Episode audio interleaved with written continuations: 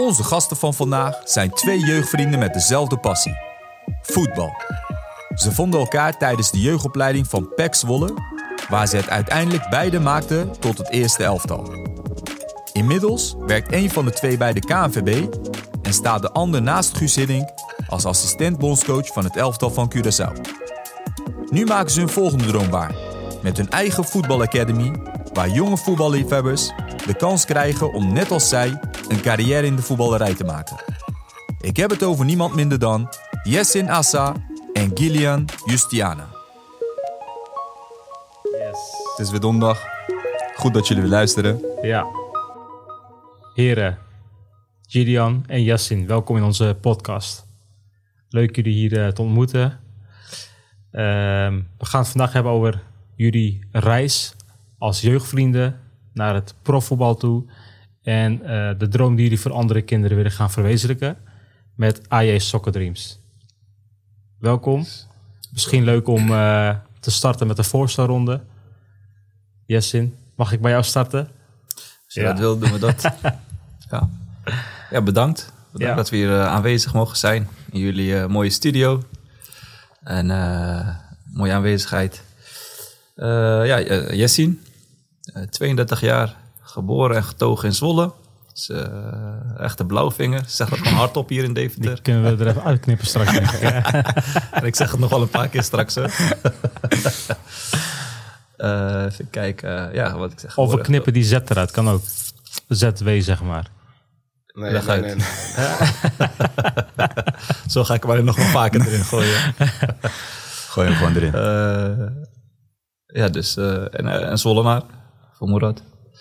Ehm, eh, ja, eh kijk aan. Ik ken Gillian eh, vanaf, vanuit de jeugd, vanuit Zwol, FC Zwolle toen de tijd nog, eh, jeugdopleiding. Mhm. Eh, van daaruit, eh, vanaf toen die tijd eigenlijk onafscheidelijk. Gewoon eh, ja, vrienden geworden. Hoe hoe oud waren jullie toen, toen jullie elkaar leren kennen? Ik denk... eh, C'tjes. Jij 14. zit in de C'tjes, ik kwam net aan. Ik, ja, 14, 15 ongeveer. Zelfde Dus- elftallen gezeten altijd? Nee, ik ben iets ouder. Mhm. En, eh, dus ik zat een lichting eh, hoger. Twee. Je twee zelfs. Twee seizoenen hoger. Maar eh, hij was... ik kan me de eerste dag nog goed herinneren. Ik kwam, ik kwam als noem dat, eh, stagespeler toen nog binnen. En ik was gewend vanuit mijn omgeving, vanuit mijn buurt... dat als je binnenkwam even groeten, gedag zeggen. Maar heel veel jongens keken me aan van... wie is dat weer? Weer zo'n nou, concurrent of iets dergelijks. En er kwam zo'n klein jongetje aan uit de andere kleedkamer... Met twee van die staartjes, zo lange staartjes. ik kan het je voorstellen, man. kwam naar me toe. hey, ik ken jou. Eh, praten, praten. Dus ik, ik trok met iemand op die eigenlijk eh, een lichting lager zat, zeg maar. Ja. Met hem liep ik naar het veld. En vanaf toen... eh, Vanwege zijn staartjes. ja, die stage. kon ik maar vasthouden. nee, maar dat is eigenlijk eh, hoe we elkaar goed hebben leren kennen, zeg maar. Ja. ja. En uiteindelijk ko- komen jullie dan, dus jullie hebben jeugd, eh elftal hebben jullie samen, of in ieder geval eh, niet samen, maar op een gegeven moment komen jullie wel bij elkaar. In, in de aardjes of zo? Of? Nee, niet Nee? eens. Nee, nee, nee. Oké. Eh, maar misschien kunnen we dat zo meteen nog eh, Ja. vertellen voordat hij zich voorstelt. Zeker, even, zeker. of, Yes. En ja, jou de eer nu, Kilian. Scoort de voorstelronde van Jessin. Ja, ik kan nog wel iets meer vertellen als je Ja, ja, wilt. ja, Eh, graag man. ik- Nou. Vertel wie je bent. Wat ja, je nou ja, goed. ik- wat ik zei, ziet 32 jaar getrouwd, twee Juist. kinderen. Hij komt los, hij komt los. Ja, ja, ja. Even kijken, twee kinderen, woonachtig in Zwolle, eh, eh, werkzaam eh, binnen de KNVB. Mhm. Eh, en eh, nou, samen met Gilly voetbalschool. ehm, eh, hiervoor actief in het eh, jongerenwerk. Dus eh, ik ben eh tijd lang jongerenwerker geweest in de, in de wijk waarin ik ben opgegroeid. En waar ik ook eh, tijd heb gewoond, in Zwolle, in Holtebroek. Dus, eh, nou ja, eh, een persoon die graag tussen de mensen is in de maatschappij, zeg maar. Ja. Ja. Daar sta je ook bekend om in Zwolle, denk ik. Door je omgeving, mensen die jou kennen. Je hebt, Eh, je hebt het je- lang gedaan. Ja, ja, ik heb het lang gedaan inderdaad. En het doe het nog steeds. Ook al is het, eh, is het mijn eh, werk niet meer, zeg maar. Ik ben nog steeds... eh, ik hou er nog steeds van om, om eh, tussen eh, de mensen te zijn, zeg maar. Ja, ja. En eh, waar ik kan, eh, ja, mensen Helpen. te helpen. Ja. ja, vind ik fijn. Ja, mooie intro, man. Aan jou de eer, eh, Gideon. Yes. Ja, man. Nou, Nog een eh, jetlag, merk ik. Ik ben nog een beetje moe inderdaad. Ik ben eh, dinsdag teruggekomen. Ja. Dus, twee, eh, twee overwinningen op zak. Twee overwinningen op, op zak, inderdaad. Maar eh, ja, je ziet het. maar eh, ik ben ook blij om hier te zijn. Ik ben dus Gillian, Justiana. 30 jaar. eh 5 maart, afgelopen 5 maart, 30 jaar geworden. Woonachtig in Zwolle, opgegroeid in Zwolle, geboren in Zwolle. Twee kinderen. Zwolle, Zwolle, Zwolle, Zwolle. Ja, ja, ja, ja. Twee kinderen, 9 jaar. Al gelukkig met mijn vriendin, nog niet getrouwd. Mhm. Staat wel op de planning. Oké, plannen, Dus, plannen. eh, ja, ja. Ehm, overdag ben ik jeugdtrainer bij PEC Zwolle. Doe ik de onder 18 en de onder 12. Al drie jaar, drie seizoenen nu. Daarvoor jeugdtrainer bij PSV. Mhm. Ehm, daarnaast ben ik sinds 1 september 2020 assistent bondscoach bij Curaçao. Ik kom uit, uit Curaçao, mijn ouders.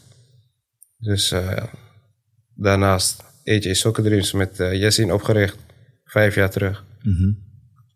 Dat is het. Ja, heel wat op je, op je lijst, man. Yes. Maar eh, hoe, was het, eh, hoe was het in eh, Curaçao? eh, assistent naast eh Guus Hiddink. Ja. Hoe is Guus Hiddink voor... eh, Ja, dat, eh, die vraag heb ik echt, eh, te vaak gekregen? echt vaak gekregen, inderdaad. En, eh, maar ja, dat is echt dankbaar. Eh, Mooi om naast zo'n grootheid eh, te mogen staan. Ehm, het elftal te trainen waar je ook jarenlang voor hebt gespeeld. En ja, na zo'n grote trainen is het extra mooi natuurlijk. Leerzaam.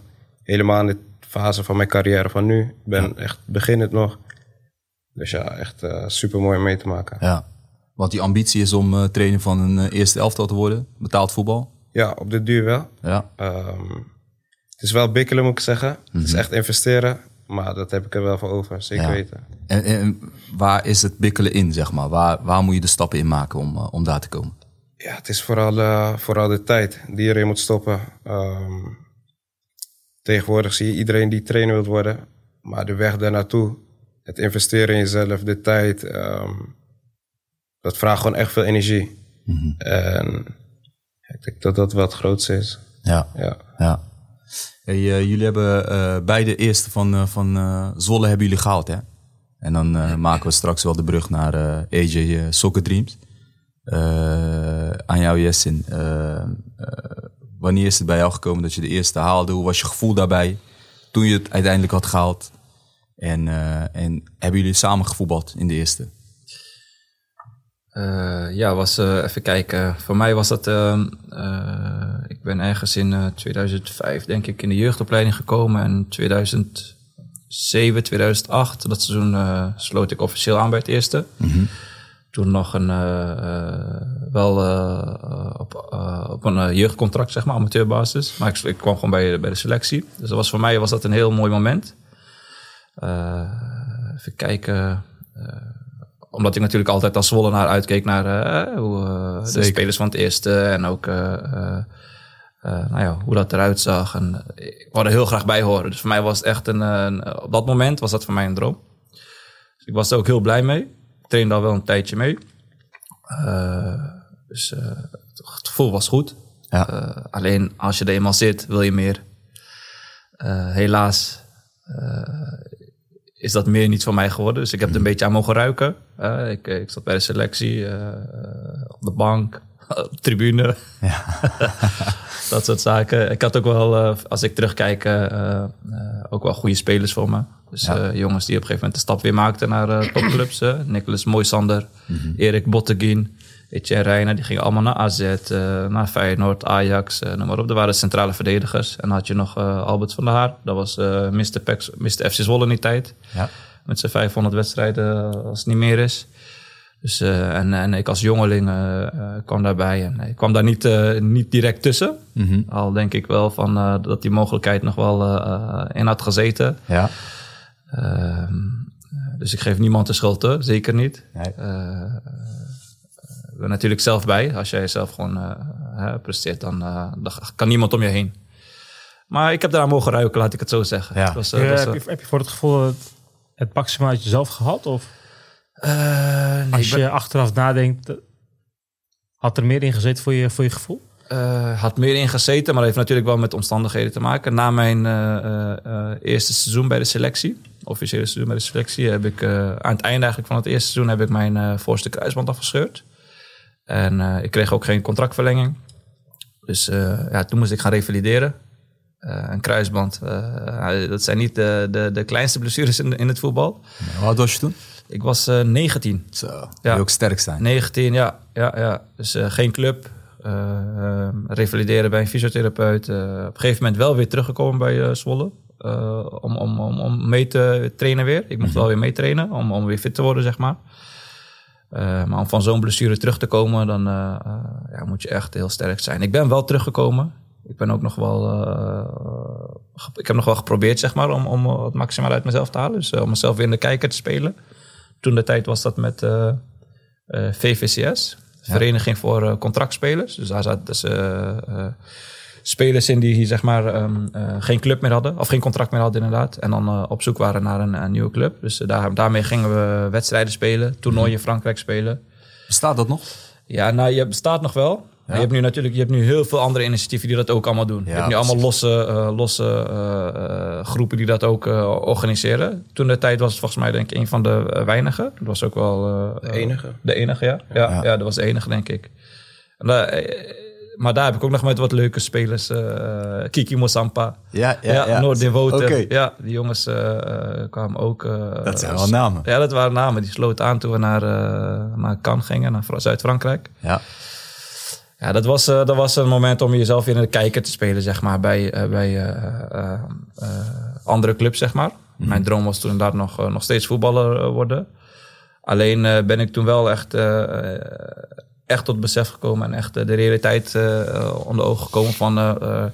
is dit ook echt wat je wilt? Wil jij profvoetballer worden, kosten wat kost, zeg maar. Dus in dat geval, volgens mij was Os, dacht ik, die kwam met een mogelijkheid om daar te kunnen voetballen, een Emmen. En alleen dan zou je het zelf moeten kunnen bekostigen. Ja. Om dan maar heen en weer te rijden. Nou, dat, die mogelijkheid had ik zelf niet. En ik dacht, ja, wil ik dit wel? Of ga ik maar focussen op mijn eh, maatschappelijke carrière? Daar was ik me wel vrij eh, vroeg van bewust van. eh, ik wou het wel heel graag, Ja. maar het moest wel realistisch zijn voor mij. ja. En eh, En dat maatschappelijke, waar komt dat vandaan? ik denk van huis uit. Ja. Huis uit, ja, ja. Huis uit. Ook de omgeving waar ik ben opgegroeid. Ik ben in eh, een hele diverse eh, wijk eigenlijk eh, eh, opgegroeid. Eh, in, in Holtebroek, in Zwolle. ja. Je kent het. Ik ken het zeker, ja. Dus, eh, eh, Jaren mogen wonen. Ja, inderdaad. Ik, en eh, ehm, nou, daar, daar groei je op met, met zoveel verschillen, met zoveel verschillende situaties ook. Hè? Van, niet alleen in etniciteit, zeg maar, maar ook in, in sociaal-economische verschillen die je ziet. Hè? Tussen rijk en arm. En Ja. dat soort dingen maakte ik al vrij vroeg mee. En eh, dat, dat maatschappelijke, ik denk dat mijn, eh, mijn vader bijvoorbeeld, eh, nou, hij, kon, hij is als Marokkaanse nou eigenlijk Ja. heel vroeg in Nederland gekomen. Ja. En hij ging ook, hij was eh, goed in de taal, in eh, lezen en schrijven en bellen en dat soort zaken. Dus we kregen wel eens mensen over de vloer die dan vragen hadden en daar ging hij ze helpen. Oké. Dus dat, ik denk dat daar een beetje, hè, dus hij nam de brieven, hij Juist. eh, belde wel eens. En, terwijl hij ook zijn, hij werkte keihard daar, hè, dus dat deed hij dan Even erbij. even erbij. Dus altijd als er wat was, kwamen ze naar hem toe. Terwijl mensen ook, kinderen hadden die dat eventueel zouden kunnen doen. Maar daar merkte ik denk ik van, dat, dat eh, behulpzame, zeg Juist. Juist. maar. Van ja, dit is wel waardevol. Ja. Ik denk dat daar een beetje vandaan komt. Eh, Mooi, ik heb man. er nooit, eh, Ja. nooit echt diep op ingegaan. Nee, maar, eh, maar als je nu, ja. nu, nu word je er bewust van gemaakt in de zin van, ja, waar komt het uiteindelijk vandaan?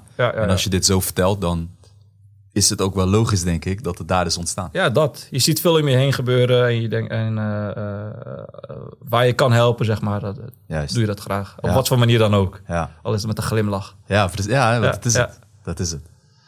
En jij, Gillian, als je kijkt naar, eh, je hebt de eerste heb je ook gehaald. Ja. Hoe oud was je toen? En eh, keek je destijds ook op tegen Jessin als, als voetballer?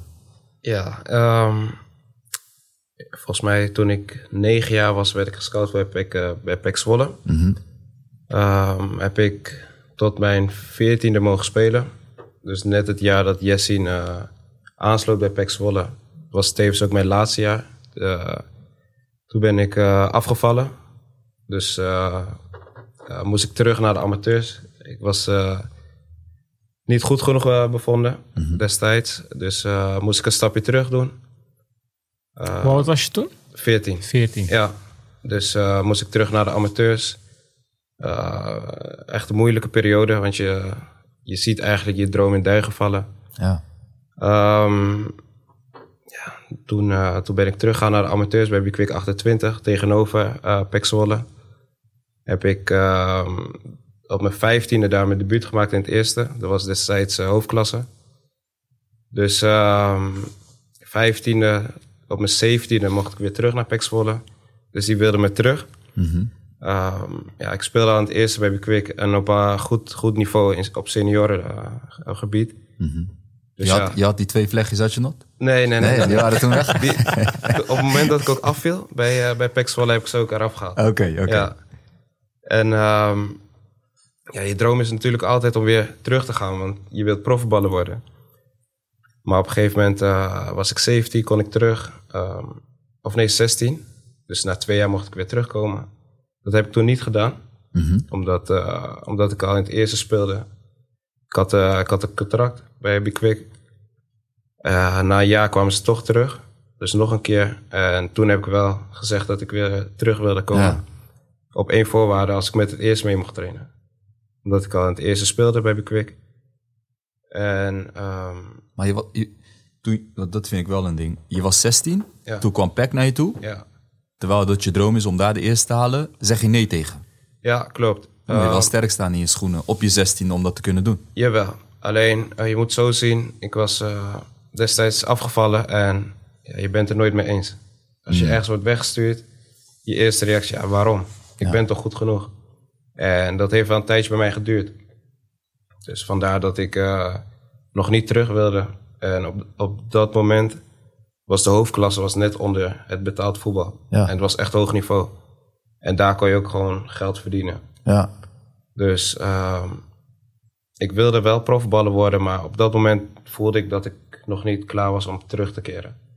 Had het ook te maken met de waardering die je vanuit Bikwik kreeg? Op je 15 debuut maken in de eerste. Ja, zeker. Ja. Zeker. En de trainer destijds, eh, Andries Uldering, Ja. ik weet niet of jullie die kennen, die is ook nog bij Eagles eh, trainer geweest.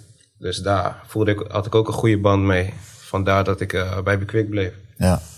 En werd je daar in die periode gesteund door je ouders bijvoorbeeld? Of je broers of vrienden? Hoe, hoe ging dat? Ja, ehm, ik moet wel zeggen, op het moment, eh, ik ben ten alle tijden gesteund door mijn ouders. Door mijn ouders, door mijn eh, familie, een hele hechte familie. Maar ehm, op het moment dat ik was afgevallen bij PEC, dan zie je wel, ja, jongens begin je uit te lachen van, eh, ah, zie je, je moet naar de amateurs. Ja. En ehm, op dat moment kom je wel achter, hey, wie zijn er nog met je? Wie vond het leuk om met je om te gaan toen je bij PEC zat? En nu speel je bij de amateurs, wie zijn er nog over? Dus daar kom ik al vroeg, eh, vroeg eh, genoeg achter. En ja, Jessin hebben we altijd eh, nog op straat gevoetbald. kwam ik er altijd tegen. Ehm, en op het moment dat ik weer terugkeerde op mijn... toen was ik net 18. Toen was het jouw laatste jaar. Ja, toen is Jessin weer vertrokken door Ja. blessures en alles. Toen ben ik teruggekomen met een ehm, afspraak dat ik met het eerste mee mocht trainen in de voorbereiding. Dat was onder Jan Eversen. En eh, Allebei een grote glimlach. ja, we hebben beide eh, verschillende ervaringen met Jan Eversen. Oké. Maar dat kunnen we later eh, misschien eh, nog toelichten. Ja. Maar eh, dus die voorbereiding heb ik meegedaan bij het eerste. Ehm, mocht ik bij het eerste blijven. Ook mijn debuut gemaakt. En vanaf toen, eh, dat was in 2009. Vanaf toen heb ik eh, twee jaar in het eerste gespeeld. Eh, uiteindelijk baasspeler geworden. Ja. Eh, bijna kampioen geworden. Dat jaar dat wij eh 13 punten voorsprong hadden in de eerste divisie. En uiteindelijk toch weggaven. En ehm, vanuit daar ben ik naar Helmond Sport gegaan. Eh, zes jaar gezeten. Ook in die tijd altijd gewoon goed contact met Jessin. Nog steeds bezig met het straatvoetballen. En als ik even terug was in Zwolle, altijd contact gehouden. Ehm, Je bent ook in, eh, eh, voor, voor je club ben je ook gaan verhuizen. ja, ja, Ja. moest. dat is wel een stukje. En je traint meestal twee keer per dag. Ja. Dus ja, op een gegeven moment kan je niet heen en weer gaan rijden. En meestal krijg je dan ook een huis van de club. Dus ja, dat maakt het allemaal makkelijker. Dus heb ik zes jaar gezeten. Mhm. En toen, na mijn eh zesde jaar, ja, ja zesde jaar, ehm, liep mijn contract af. Ik had een hele mooie tijd daar. Alleen ehm, ja, op een gegeven moment was het 1 april. En voor de 1 april, als je contract afloopt, moet je een, eh, een brief krijgen. Mhm. Of je contract wordt verlengd of niet. Dat is volgens de voetbal-CAO. En op een gegeven moment, ja, ik kreeg maar niks te horen. Dus ik ging ervan uit van, oké, dat contract wordt wel verlengd. Ja, 1 april eh, eh, las ik eerst op internet van... ja, we nemen afscheid van die en die spelers. En daar staat mijn naam ook tussen. Je wist Eh, zelf nog niks. Ik wist zelf nog niks en eh, ik heb niks gehoord van de club. En in die tijd, ja, je speelt al zes jaar, je bent basisspeler, je bent eh, publiekslieveling. Dus ja, je gaat er wel uit- vanuit van, oké, dat contract wordt automatisch verlengd of Ja. het komt wel goed, weet je. Ja, dus niet. Nee. En eh, dus moest ik het op internet lezen dat mijn contract niet werd verlengd. En toen kwam ik thuis. Ja, ik weet niet waar ik die dag was, maar toen kwam ik thuis. En toen lag inderdaad een brief, eh, een aangetekende brief eh, in de brievenbus. Van ja, we gaan je contract niet verlengen. En ja, dat was wel even schrikken. Zo, dat is wel even zuur, man. Als je... Ja, zeker. Dat, was, eh, dat was echt zuur. Ja. En helemaal wat je voor die club hebt betekend en alles. Dus eh, Weer een klap. weer een klap en contact gehad met mijn zaakwaarnemer, ehm, met de club. En uiteindelijk eh, ehm, zijn, we, zijn ze wel erop teruggekomen. Maar ja, die, eh, ik had een goed contract daarvoor. En ja, eh, de salarissen werden steeds minder. Ik kreeg wel contract aangeboden, maar dat was echt eh, minder Ver- dan de helft. Ja, Dus, ver onder het niveau, ja. zeg maar. Ja, ja. en gelukkig heb ik in, ja, ik denk twee jaar voordat ik bij Helmond Sport wegging, dat was in 2016. Mhm. Toen ben ik wel begonnen met mijn trainingscarrière. Ben ik eh, met Jesse in eh eentje soccerteams begonnen. Ja. Omdat we ook, ja, we hadden echt die binding met, met Zwolle, met die jeugd. Eh, we gaven wel eens privétrainingen en kids vonden het vet om van ons training te krijgen. Dus dat heb ik eh, in de tijd dat ik bij Helmond Sport heb gezeten, heb ik dat uitgebreid. Ehm, een oude bekende Art Langeler, waaronder ik bij PEC Zwolle speelde. Die was hoofdjeugdbeleider bij PSV. Ehm, via hem ben ik bij PSV gekomen destijds jeugd, als jeugdtrainer. Terwijl ik nog voetballer was bij Helmond Sport. Dus dat was mijn redding. Dat ik al wel ehm, bezig was met het training geven. Vond ik zo leuk. Ehm, ja, mensen vroegen daar ook na in Zwolle. Waren we dit gestart. En daar is mijn trainingscarrière eigenlijk gestart. Oké. En ja, dus toen moest ik weg bij Helmond Sport in 2016. Toen heb ik nog wel eh, aanbiedingen gekregen vanuit het buitenland. Ehm, maar mijn vriendin was net zwanger. Mhm. En ja, dus dachten we, nou, we kunnen naar het buitenland gaan. Maar is dat wel handig voor de kids? Ehm, je hoort de meeste verhalen van- vanuit het buitenland, krijg je salarissen wel. En eh, ja, toen heb ik gekozen om echt eh, helemaal te stoppen met voetbal. Zo, dat is ook weer een stap, man. Ja, zeker. Dat hoorde ik ook eh, bij jou, eh, Jessin, en ook eh, bij jou, Gideon. Jullie nemen wel bewuste beslissingen. Jullie denken erover na. En dat heeft dan met invloed te maken met, met, met jullie omgeving, denk ik. Maar het zijn wel hele bewuste beslissingen die, die je neemt. Jij neemt een, een beslissing om vanuit amateur niet naar Zwolle te gaan. Contract wordt niet verlengd bij Helmond. Je krijgt aanbiedingen, maar je gaat bewust met voetbal stoppen. Iets waar je passie ligt. Ja. Waar komt dat vandaan? Ja, wat ik zeg, eh, eh, ik was altijd wel bezig met, met de toekomst. Ik hou van zekerheid. En steeds meer ploeggenoten na hun voetbalcarrière zag ik ze, ehm, als ze stopten of ze kregen een contract, dan stortte hun hele wereld in. Dus je bent gewend aan een bepaald salaris. Op een gegeven moment krijg je dat niet. Eh, maar er moet wel inkomen komen. En dan gingen ze meestal iets doen waar ze niet achter stonden. En eh, meestal, het verhaal kennen we. De meeste voetballers in de tijd van, dat ze ehm, bezig zijn met voetballen, studeren ze niet, ze hebben geen diploma's. Dus ja, dan ben je eigenlijk eh, gewezen op bepaalde baantjes waar je niet achter staat. Ja. En dat wilde ik altijd voor zijn. Vandaar dat ik ook eh, bezig ging met het trainerschap. Ja. Dus ja, zo is het eigenlijk, eigenlijk gegaan. En dat was ook mijn redding, dat ik tijdens mijn voetbalcarrière al bezig was met wat hierna. Ja. En natuurlijk, het is je passie, maar voetbal is niet alles. Nee. En helemaal als je op een gegeven moment kids krijgt, eh, gebeuren dingen in je leven. Ga je helemaal denken, ja, is dit het, weet je? Eh, nogmaals, het was een droom. Ik heb echt, eh, echt mooie tijden gehad. En als alles gewoon ja, goed was gebleven, was ik waarschijnlijk nog steeds in betaald voetbal. Maar op een gegeven moment word je ouder. Je gaat aan je toekomst denken. En Ja. Bewuste keuzes. Jullie zijn allebei nog steeds heel erg jong, maar eh dit is wel een mooie boodschap naar, naar voetballers toe. Ehm, als je kijkt nu wat, wat voetballers tegenwoordig, eh, eh, die 17, 18 echt talenten, wat ze nu verdienen, ja, die denken dan op een gegeven moment niet, niet na over hun toekomst. Het is meer van, ja, ik krijg nu al zoveel, dus ik voetbal de komende tien jaar wel en dan zie ik het wel. En dan kan het zijn dat een blessure of iets anders roet gooit in het eten. En dan moet je in één keer wat anders gaan doen. Het gaat denk ik niet alleen om het eh, verdienen. Als ik, eh, eh, je hebt het nu over verdienen, maar ik heb natuurlijk ook vanuit het jongerenwerk zeg maar heel veel met jongeren gewerkt. En ja, probeer ik ook te achterhalen wat hun beweegt zeg maar om bepaalde zaken te doen. Dus dat is niet alleen verdienen, dat is ook denk ik hoor, nou ja, status. Hè? Om maar te vertellen dat je profvoetballer bent of iets wat dan ook bent. Hè? Oh, dus dan gaan ze ergens in, eh, ik noem maar wat, eh, Schotland, eh, vierde divisie spelen of zo. Ik noem maar iets geks, hè? Ja, ja, dat ja. gebeurt.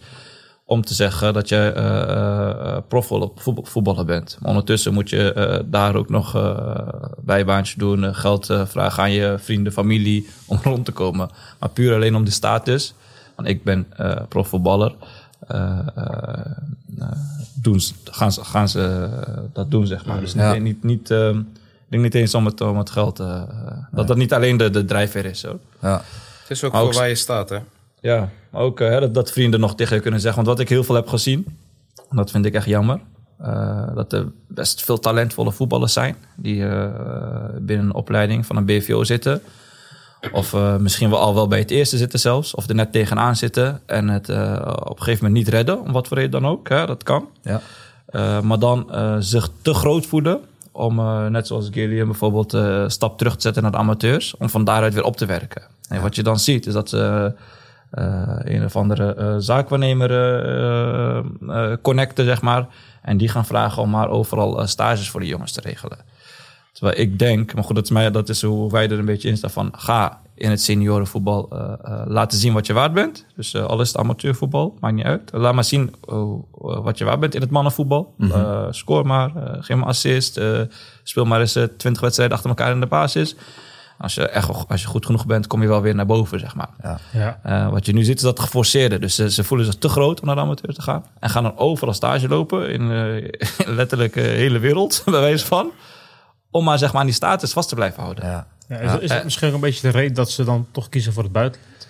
Voor die dat ze zich, zeg maar, inderdaad, eh, ja, dat ze die status toch willen behouden. Van ja, ik, ik ben nog steeds profvoetballer, dus ik kies voor een ja, vierde divisie in, in Schotland. Ja, jij zit er ook nog, man. Ik was helemaal vergeten. Af en toe roep ik wat toch? Kijk, ik, ik wil niemand zijn eh, eh, ambities onderdrukken. Kijk, als je ambities hebt, je hebt droom, moet je die echt najagen. Hè? 100%. En je- als je erin gelooft, moet je het ook doen. Maar je moet wel altijd een beetje van realiteitsbesef houden. Ja. Maar je, je hebt ook een omgeving nodig die, die dat besef geeft. Juist, Dat is belangrijk. Juist. Dat is misschien het, eh, het belangrijkste. En eh, daar mist het nog wel eens. Bij de, vooral bij de jonge spelers. Ehm, iemand die eh, ook eerlijk tegen ze is, snap je? En, eh, Geen ja-knikkers. Precies. En al moet ik wel zeggen dat, eh, dat eh, de nieuwe generatie wat moeilijker daarin te sturen is. Vooral door social media en alles. En wat Jessin zegt, iedereen of al die jongens willen profvoetballer blijven. Ja. Ze willen zeggen, ja, ik ben profvoetballer. Maar, en heel veel mensen die niet in het wereldje zitten, die denken, wow, hij voetbalt daar en daar. Hij is profvoetballer. Ja. Zo, hij, is, eh, hij is bijna binnen, joh. Ja, precies. Ja, terwijl dat helemaal niet zo is. En ze, inderdaad, ze willen puur die status. Maar uiteindelijk, als ze terug gaan kijken, dan denken ze, shit, wat heb ik, eh, wat heb ik allemaal gedaan? Weet je? En dan komen ze er later pas achter. Ja, dus die begeleiding in het begin tijdens jou is gewoon belangrijk. Ja, dat is super. Heb, super hebben jullie daar nu ook een rol in? Met, eh, als ik even een bruggetje maak, ma- mag maken naar eh, jullie huidige eh, bedrijf, mag ik het noemen, denk ik, organisatie. Geen AJ, maar AJ is het. AJ. Ja, voor jou. Ja, eh, ja oké, dankjewel man. Mag, mag denk, allebei. Voordat je weer AJ Mag allebei. Volgens mij zag, zei jij Justiana, AJ, maar ja. dat maakt niet uit. Mag allebei. Het is AJ als je het... eh, Hey, je wordt gesteund niet vandaag. Ja, Soccer Dreams is Engels, dus je moet eigenlijk AJ, maar... AJ Soccer staat voor Assa en Justiana, onze achternamen. Ja, dat Ja. was goed om te weten voor de, voor de luisteraars inderdaad.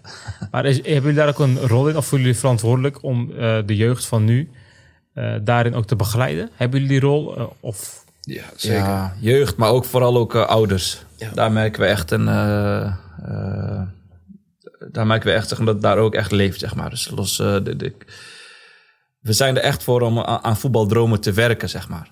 Dus we werken graag aan voetbaldromen. Dus Dan dat is op het gebied van trainen, coachen, eh, begeleiden, zeg maar. Ehm, eh, maar het woord werken zegt al dat, dat je moet bewegen, zeg maar. Dat je eh, Ja. op gang moet komen en er iets moet voor gaan doen, zeg maar. Ehm, eh, wat we merken, en hebben we laatst op een gegeven moment ook een, een soort van ja, statement eigenlijk naar buiten gebracht. Eh, want bij ons is zeg maar iedereen welkom. Dus eh, van eh, eh, spelers die zes jaar zijn en net op voetbal zitten. nog niet zo goed weten wat links en rechts is, bij wijze van spreken. Tot aan jongens die al betaald voetbal spelen. Oké. Eredivisie, Premier League, noem maar op. Dus eh, we, we- bij ons kunnen we aan iedereen zeg maar, proberen te helpen aan zijn of haar voetbaldromen. Hè? Ehm, alleen wat wij merken, en ik weet niet precies hoe dat komt, maar dat, dat, de, dat eh, eh, spelers of ouders eh, ook denken dat wij eh, ehm, eh, spelers zeg maar, naar BVO's gaan brengen. Dat we als zaakwaarnemer gaan spelen of Ja. tussenpersoon, noem maar op. Kijk, wij zouden gek zijn als wij talentvolle spelers binnen onze academie hebben, zeg maar. En wij zouden niet een tip geven van ga eens kijken bij die spelers. Dat zou jou gek zijn om dat, niet te doen, zeg maar. Maar wij gaan dat niet forceren. Wij zeggen tegen die ouders en tegen de spelers van als, je- als, het, als uw zoon goed genoeg is en eh, hij heeft talent, dan komt het echt wel naar boven drijven. Dan komen ze bij zijn club. Dan gaan ze bij zijn club eh, vragen: hey, wie is die jongen? Mag ik, eh, wil die graag een keertje komen voor? En wil dat kind het zelf wel? Of wil, wil jij dat graag? Dus we zijn naast de spelers aan het sturen, zijn we ook de, hm? De ouders realistisch. de ouders proberen zeg maar besef te geven van, van hoe het eraan toe gaat. Ja. Ehm, eh, wat, wat hij net zei, eerlijkheid, dat vinden we heel belangrijk. Dus we gaan niet eh, zeggen, ja, nee, hij, is, eh, hij kan het. En, dat, dat. Precies. Voor hem is dit nu het niveau, denken wij, zeg maar. Zo staan wij erin. En even goede vrienden, als je het niet mee eens bent.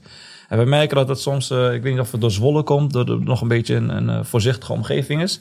Dat die eerlijkheid soms wel, wel eens hard is voor, voor, voor ja, mensen, zeg maar. ja, Ja, nou Ouders. ja. Maar dat is ook voor de jongeren zo, denk ik. Want ik heb gemerkt in... in eh, ik, ik kom best wel veel in het, in het land ook, in andere gebieden. Eh, eh, ik noem maar wat... eh eh, voorbeeld is eigenlijk nog een stukje dichter bij Apeldoorn. Ik heb ook wat vrienden in Apeldoorn. Als daar iemand zei van... eh, ja, ik kan daar op, daar op stage, dan... eh noemden ze eh, die, die Turkse palavra of zo, die grappen maken. Ja, ja, ja, palavra, dan ja. noemden ze hem palla. dan noemden ze hem palla. Zo van, Ja. eh, wat, wat zeg je nou, joh? Hou eens op, man. En in Zwolle gaan ze dan meepraten. Joh, ja, joh, ja, ja, kan je echt... Ja, hoe Terwijl dat- ze weten, zeg maar, dat het niet zo is. Ah. En dat is... eh Versterkt het gevoel dat versterkt het gevoel. Ga je iemand ook nog eh, helpen in zijn, eh, Ja. zijn fantasie, zeg maar. En wat je net eh, aangaf van, eh, helpen jullie de spelers daar ook mee? Kijk, we zijn vijf jaar geleden begonnen met echt kleine, met kleine jonge spelers. En je merkt dat ze nu, na vijf jaar, nu pas gaan ze het eerst halen. Of zitten ze er dicht tegenop. En nu pas kunnen wij eh, bezig gaan met het adviseren van... Hey, je kan daar en daar tegenaan lopen. Ehm, als je meetreedt, gedraag je zo. Dus de jongens waarmee we zijn begonnen, Mhm. die beginnen nu eh, een debuut te maken. ehm, Ja. Aan te sluiten bij het eerste. Dus voorheen ja, kon dat niet echt. Eh, maar nu zijn die jongens oud genoeg dat we ze wel eh, daarin kunnen begeleiden. Om ik zeggen, we zijn geen zaakwaarnemers of begeleiders. Maar ehm, vanuit ons netwerk en de jongens waar we, die we getraind hebben, ja, kunnen we wel van advies eh, zorgen die ze nodig hebben. Als je Plus- kijkt naar de, naar de generatie van nu, hè? Want je had net over eh, de tijd van jullie, zeg maar, van ons. Eh, veel op straat voetballen. eh, veel, eh, ja, vroeger hadden we geen iPads of iPhones of, of wat dan ook. Merk je dat nu ook in de, in de huidige generatie dat er minder eh, talenten zijn of eh, op een andere manier? Wa- Wat ons heel erg is opgevallen, dat is eh, eigenlijk toen corona eh, begon, zeg maar, eh, vorig jaar ongeveer. Op een gegeven moment eh, konden we even niet trainen. Toen zijn we met de Soccer Dreams minuutje begonnen. Eh, op Instagram deden we iedere week een Soccer Dreams minuutje. Waarin we een, een eh, oefening voordeden, een hele simpele oefening. En dat moest je binnen een minuut zo vaak mogelijk eh, gaan halen. Dus het kon hooghouden zijn, kon via een muur kaatsen zijn. Een simpele kapbeweging, zeg maar, met, met beide benen. Wie bedenkt zoiets dan? Samen. Beide. Samen, ja, ja, ja, ja, samen. Bescheiden, bescheiden. Ja, Ik zag jou wel even naar Gillian kijken, zo van, ik heb hem bedacht. Nee, nee, nee, nee, zeker niet, zeker niet, zeker niet. Zeker niet. Het Nee. klinkt raar, maar we doen echt eh, Alles samen. alles eh, Ja. samen. Maar, Maar dat, de- over dat minuutje gesproken, nou, dat, gingen we, dat, dat namen we op. Hè? Eh, en dat eh, plaatsten we dan iedere week. Wat we daarin zagen, is wat de, de, vraag, of de vraag wat jij eh, net stelde. Wat we daar zagen is dat de, de spelers die het ambitieus waren, die al eh, hoog voetbalden, dus ofwel bij een eh, BVO of eh, top amateur, of diegene die echt veel, die hard werkt, zeg maar, die bleven ons stalken met berichtjes. Want we deden dan ook eh, eh, een een ranglijst, hè? dus iedere week ranglijst, top 5. En dan zag je, nou, ik heb er 33. eh, en dan stuurden ze om 11 uur s'avonds nog een filmpje. Ja, kan, ik nog, eh, kan ik het filmpje nog sturen? Want we zeiden dan bijvoorbeeld, tot woensdag kan je eh filmpje sturen. Ja, ja, ja. Wat we zagen, en dat is echt een eye-opener voor ons geweest. eh, eh, maar ook om terug te koppelen aan, aan, aan, aan andere spelers en aan hun ouders. Van dit, dit is de, wat zij, die spelers halen, zeg maar.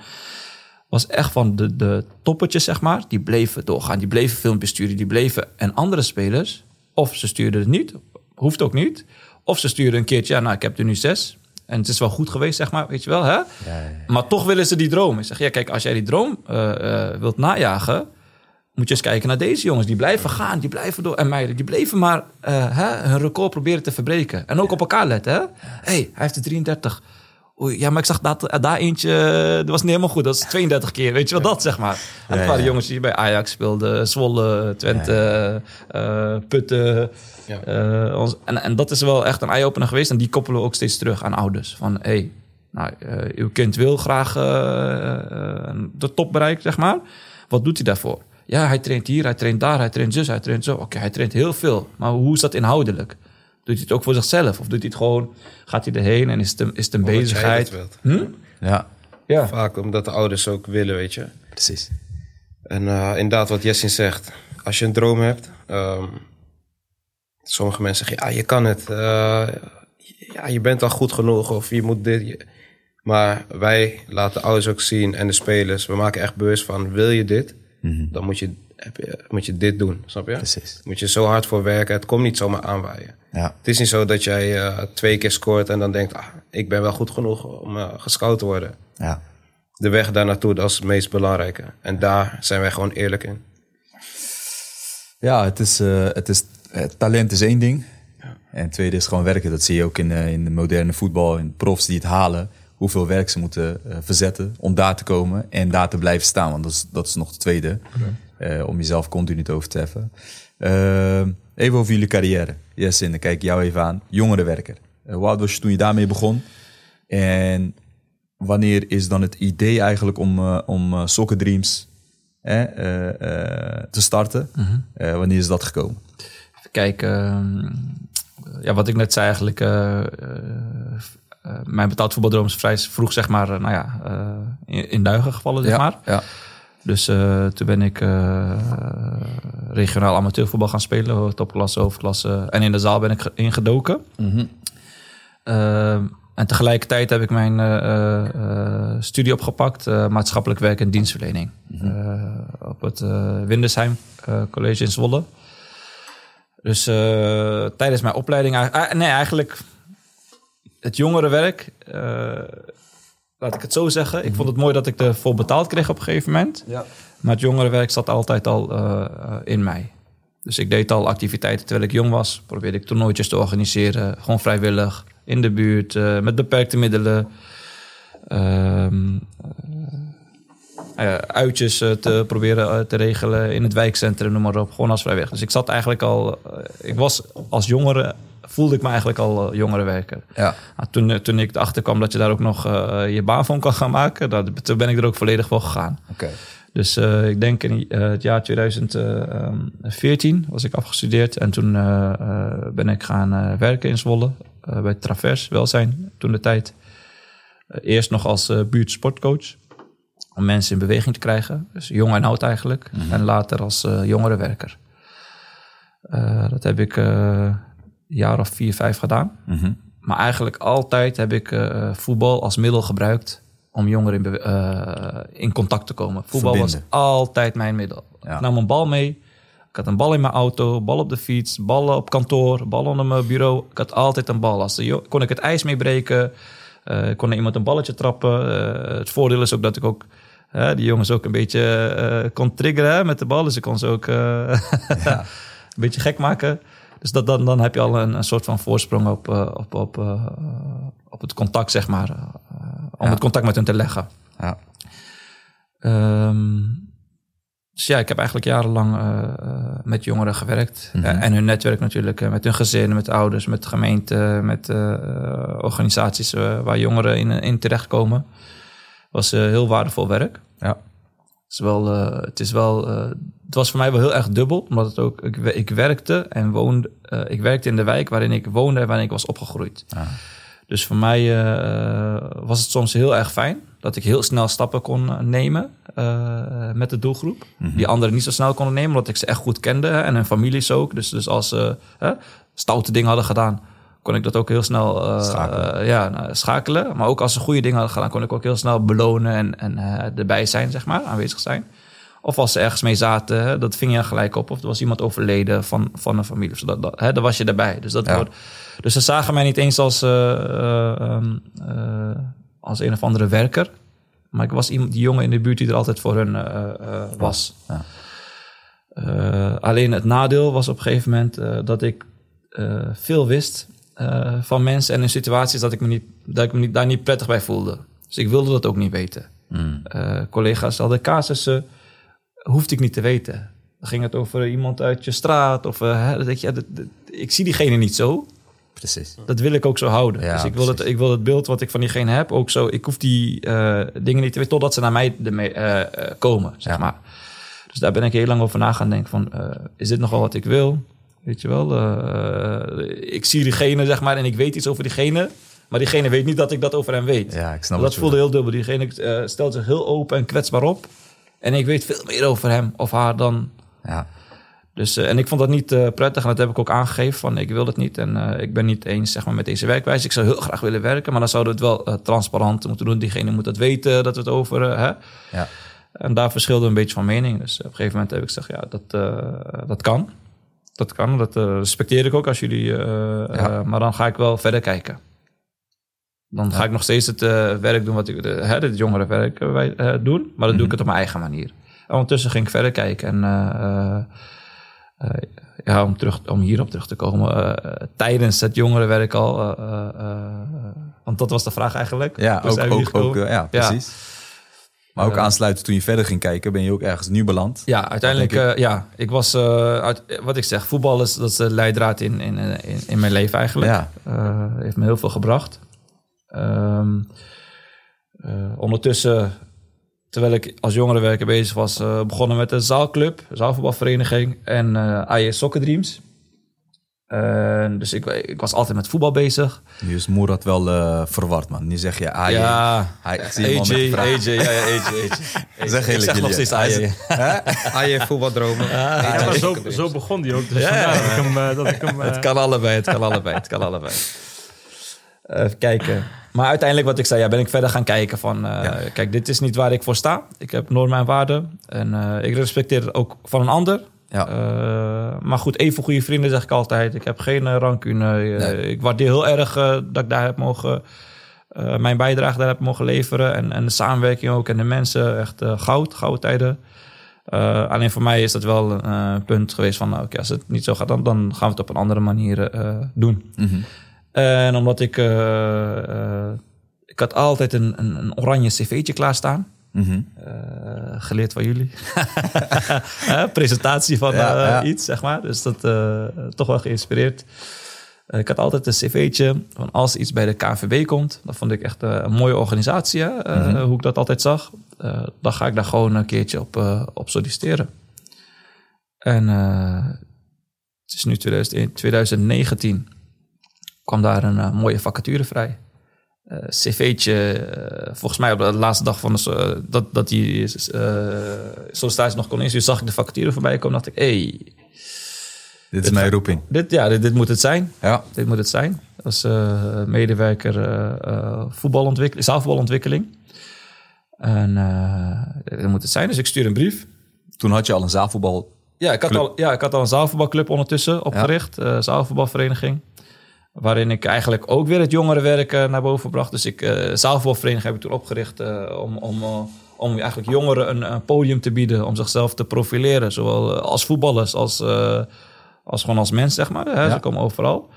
Want wat ik merkte, wij speelden zelf dan in de zaal. Speelde ik in Apeldoorn of in Vaassen. Speelden we toen eh, eredivisie met eh Sadap en WSV. Oslo was het eh, toen die tijd.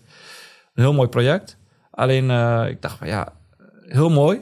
En echt super mooi dat daar hebben opgezet in Apeldoorn. Alleen ik dacht van waarom zouden we dat niet in Zwolle kunnen? We hebben Mm. ook eh, veel eh, talentvolle spelers.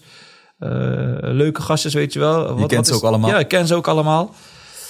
En ik toch een keer Zwolle eens kijken samen met Jesse. Ja. En dan kijken van, nou, proberen aansluiten bij een vereniging. Nou, een vereniging zijn toch allemaal hun eigen, hebben toch allemaal hun eigen cultuurtje. Waar je niet zo makkelijk tussen komt. Of je moest het tweede of derde team worden. En dan moest je daar maar gaan spelen. Terwijl wij wel echt overtuigd waren van, Wij zijn goed. wij zijn gewoon goed. Ja. Dus we kunnen ook wel, eh, eh, eh, we hoeven niet in de tweede klas te gaan starten, zeg maar. Ja. Dus uiteindelijk ja, ook de zaalvereniging toen begonnen. Ja. Ook in 2015. Waar een beetje af, ja. Waar staat de zaalvoetbalvereniging nu? Die staat nu in het eerste team. Ja, nu staat stil. Ja. Corona. Ja. We staan al anderhalf jaar stil. Maar Maar eh, eerste divisie. Ja. Dus eh, binnen een paar jaar... eh, Stappen twee- gemaakt? Ja, twee jaar hoofdklasse, twee jaar topklasse. ja. En nu twee jaar eerste divisie. Ja. Waarin we twee jaar niet gespeeld hebben. Maar, Snel stappen kunnen maken. Ja, snel stappen Ja. kunnen maken. Ja. Mooie club. En we waren nog bij die KNVB. Dus je had gesolliciteerd, dat zaal. En voor jou was daar de cirkel rond. Je hebt je cv je hebt je ingediend. ja, Sollicitatiegesprek gevoerd. Dus ja, ik word uitgenodigd voor een sollicitatiegesprek. Ik ga daarheen. Ik was onder de indruk. Ik ben maar natuurlijk wel eens in Zeist geweest. Maar eh, binnen in kantoor zag echt heel strak uit. Heel mooi uit. Het ademde voetbal. Ik zag alleen maar ballen. Ik zag kunstgras. Ik zag eh, eh, shirtjes hangen. Ik dacht, wat is dit, weet je wel? Dit, Ja. is, dit is gewoon een droom, zeg maar. Dus, dus eh, voetbaldroom. ja, we komen weer op voetbaldroom. Dus gesprek gehad. Nou, Filip prima. En eh, eh, een paar dagen, ik zou een week later worden gebeld. Een paar dagen la- later word ik gebeld. Ik had inmiddels nog mijn vast contract als jongerenwerker. En ik word gebeld van, eh, ja, we willen je graag eh, eh, in ons team. Mhm. Wat vind je ervan? Ik dacht, ja, nu moet ik ineens wel... eh, Nu sta je voor de keuze. ja, nu sta ik ineens voor de keuze. Eh, tuurlijk, ik ging er ook heen om daar, daar, eh, Ja. eh, eh, daar te gaan werken, zeg maar. Maar dat het zo snel ging, eh, eh, schrok ik wel even van. Ja. Dus uh, nou, een weekendje eh, over geslapen, zeg maar, even gekeken hoe en wat. En eh, uiteindelijk, ja, dit is, dit is toch wat ik wil. Dit is waarvoor ik sta. Ja. Hier kan ik eh, me uitleven, zeg maar.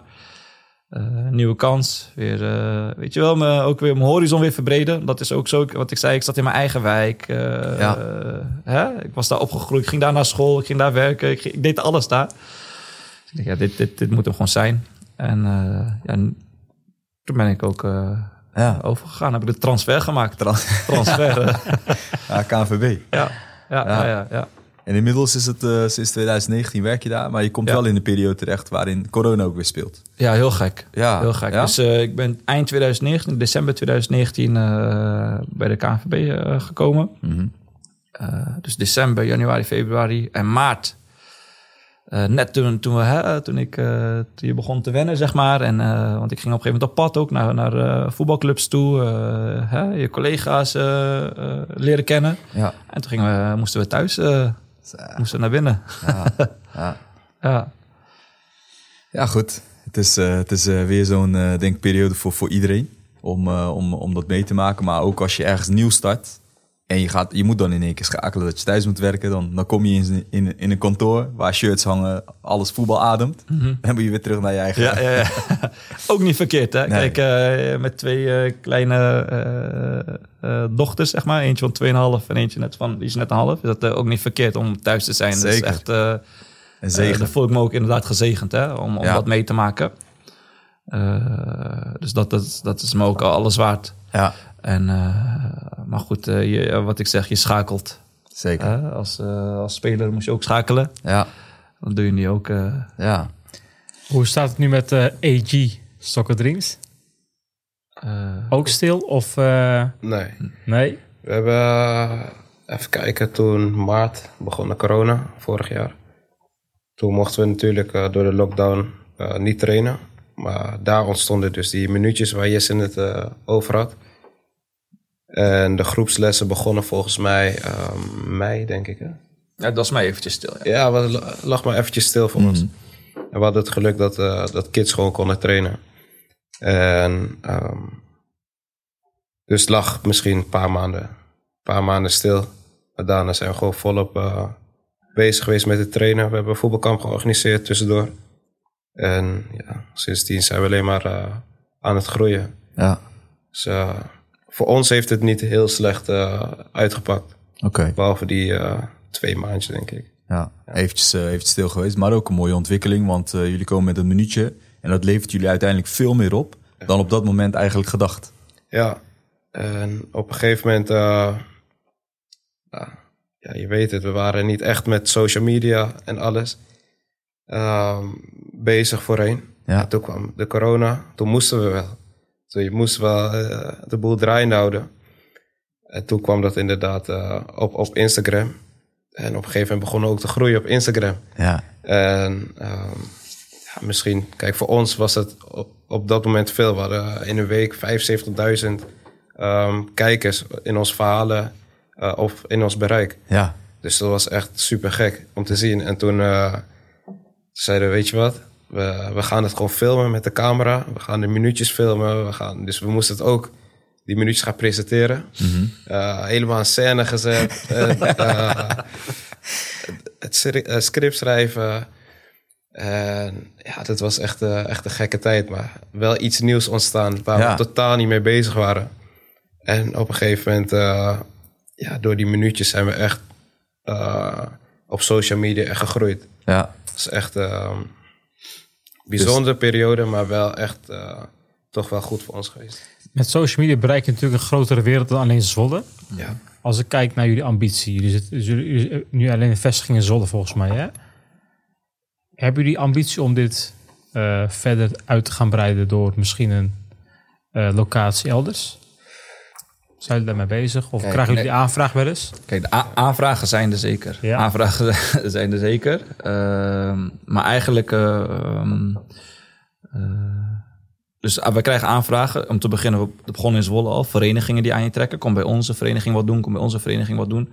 Wij eh, willen eigenlijk het liefst zo, ne- zo neutraal mogelijk zijn. Dus we zijn ook van alle verenigingen weggestapt. En we zijn naar een locatie gegaan wat geen vereniging is. Eh, Sportcampus De Pelikaan in Zwolle. Dat is eh, helemaal... gebied. Hm? Neutraal gebied. Neutraal gebied, ja. Dus we hebben daar ons eigen plekje, ons eigen, van niemand bemoeien, zeg maar. En er wordt aan je getrokken. Kom hier wat proberen, kom hier wat doen. Of wil je onze groeptraining geven. Hè? Dus er, er komen zeker kansen voorbij, zeg maar. Alleen eh, eh, het Soccer Dreams verhaal is het geen... eh, eh, natuurlijk, wij steken er heel veel tijd in en energie in.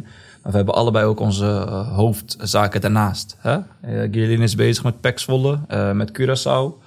Eh, natuurlijk ook nog zijn gezin. Nou, ik zit eh, fulltime bij de KNVB.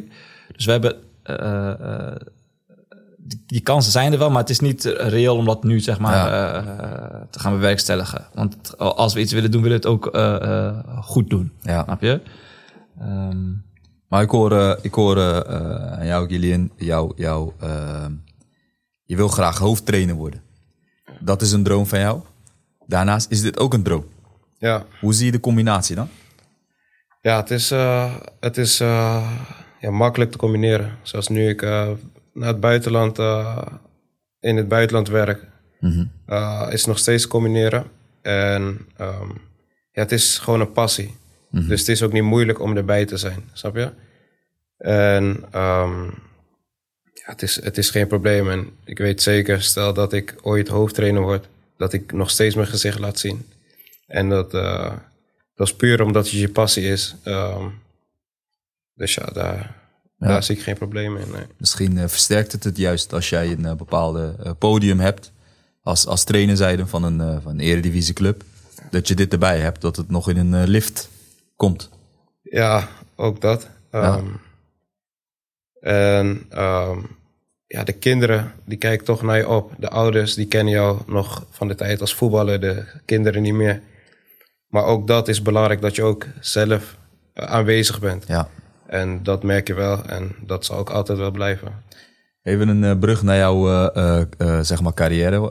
dat je bent gestopt bij Helmond Sport. Je beslist om gewoon te stoppen als voetballer zijnde. Wat heb je op dat moment gedaan? Want daar zijn we nog niet op gekomen. En het stukje Jan Eversen waar jullie allebei een lach op hadden. Ja, daar wil ik ook zo meteen even op terugkomen. Of je had ik iets eh, bij je wegmoederd? Nee, Kijk nee, maar. ik eh, luister heel aandachtig naar.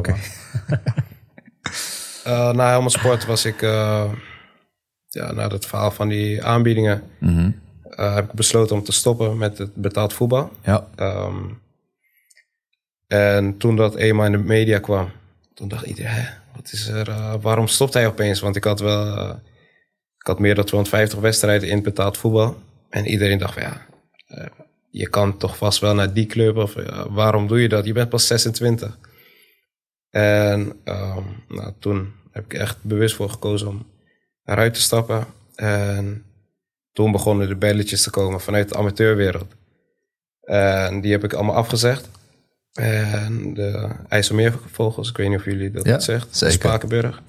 Mijn, eh, mijn oom eh, woont in eh, Spakenburg. Oké, ja. Nou, dus ik ken het heel zeker. goed, de, de, de blauw en rood?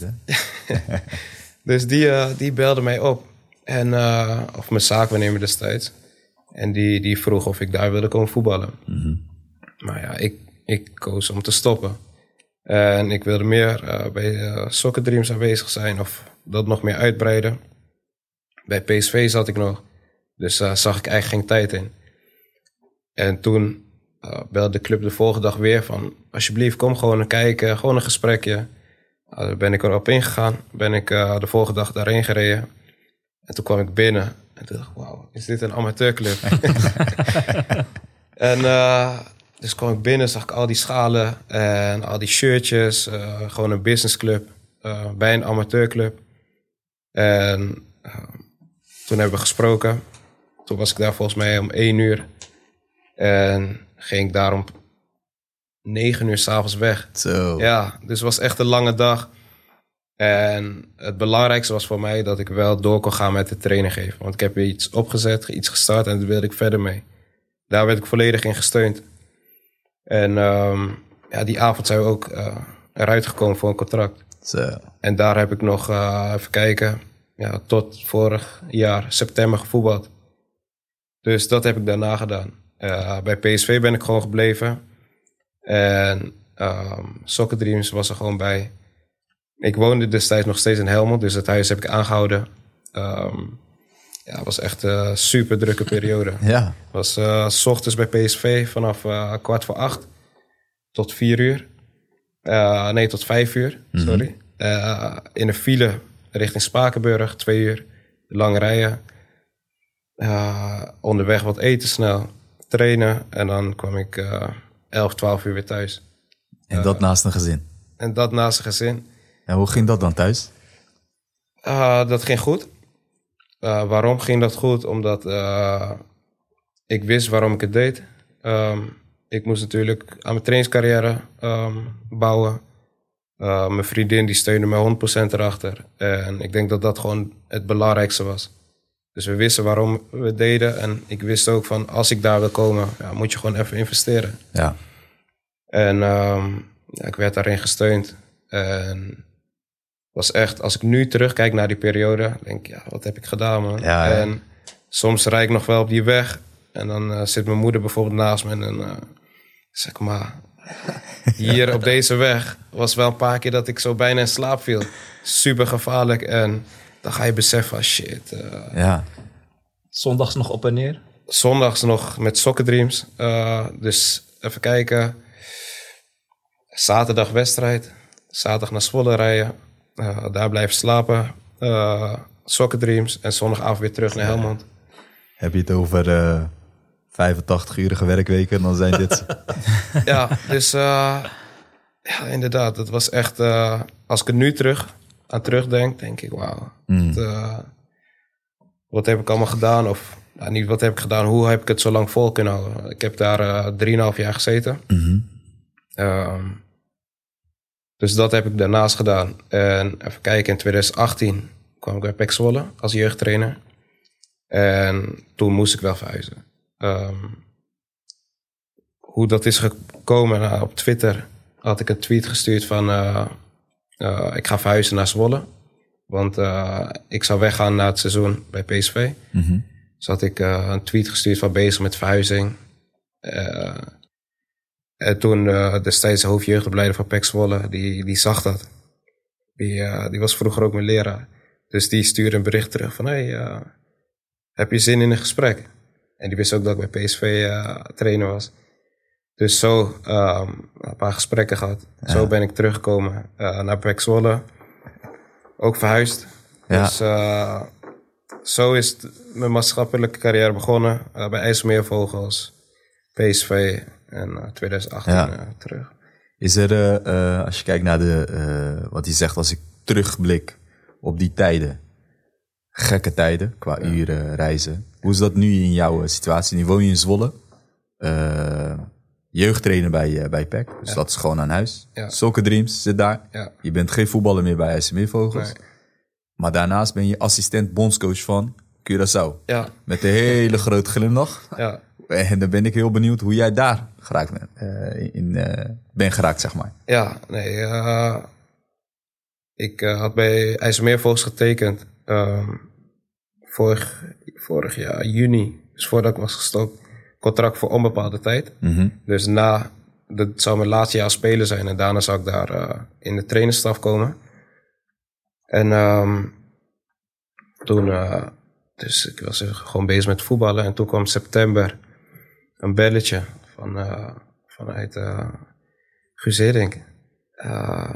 Of ik assistent trainer, assistent bondscoach wilde worden. Maar Guus Hiddink belt jou. Ja, Oké. en, ehm, maar ik moet zeggen, eh, die, ik denk eh, twee dagen daarvoor of zo, toen had ik echt gedroomd dat ik eh, trainer zou worden bij Curaçao, bij het nationale elftal.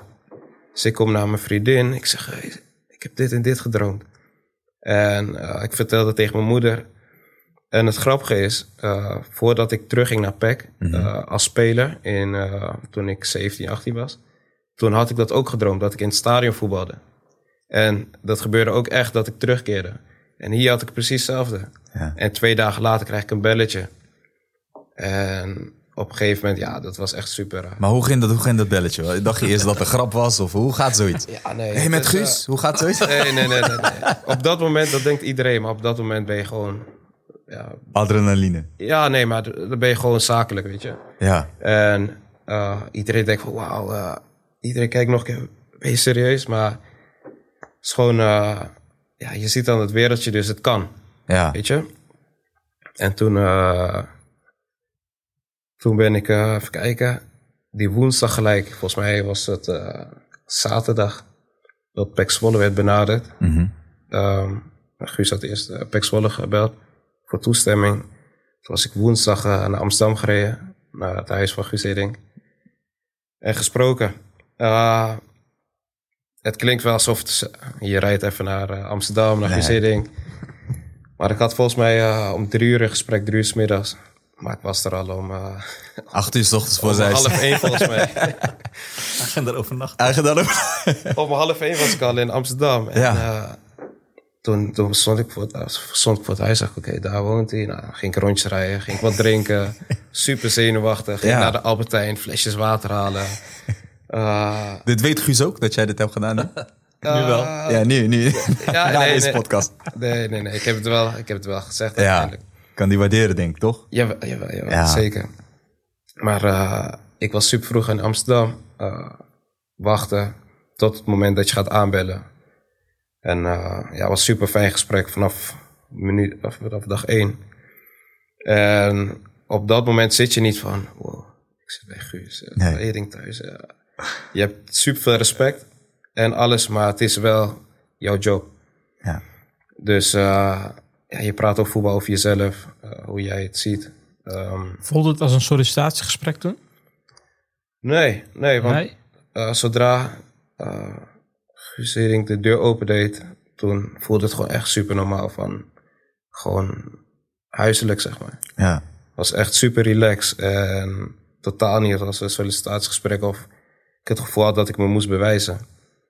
Dan ging gewoon over het leven praten, over voetbal. Mhm. En ja, gewoon altijd jezelf blijven. Niet onnodige dingen zeggen of eh, dingen zeggen waar je niet achter staat. Ben je eh, eh, bij Guus, ben je jezelf of pas je toch aan? Nee, ik ben. ik probeer altijd mezelf te zijn. En tuurlijk ben je in het begin wat rustiger. En je kent elkaar natuurlijk niet, dus je Nee. kan niet eh, over van alles gaan praten of wat dan ook. Nee. Maar wel altijd mezelf. Ja, zeker. Ja. Ja, hoe, hoe lang eh, ben je nu assistent uh? Vanaf september, 1 september. Heeft dat jou veel veranderd? Jouw kijk op voetbal bijvoorbeeld, je ervaring daarin? Jawel, zeker. Het heeft. eh, eh, je hebt natuurlijk wel altijd je eigen visie gehouden. Mhm. Dat wordt een beetje aangepast. Je leert veel dingen bij. En ehm, zo iemand als Guus Hiddink laat je wel zien dat het voetbal eigenlijk super makkelijk is. En wij denken zo complex en moeilijk. Je wilt die trainingsvorm doen, dat, dat, dat. Maar eigenlijk, nou, de trainer heeft eh, de Champions League gewonnen. Volgens mij vijf keer Nederlands kampioen. En die laat zien dat het veel makkelijker kan. Ja. Hoe wij bezig zijn. En dan kom je wel even terug, denk je, ja, al die trainers, of veel trainers die je hebt gehad als voetballer, hebben je, ze jou voor de gek gehouden of wat dan ook. Ja. Snap je? dan, dan werk je wel met iemand eh, en dan denk je, ja, wauw. Iemand met een standbeeld in Zuid-Korea. Snap je? Eh, Dat is eh, buiten wat, datgene wat hij heeft gewonnen tot nu toe, is, is dat toch een prestatie wat hij daar heeft eh, bereikt. Ja. Met zo'n land. Heeft hij niet van Turkije kunnen winnen bij deze.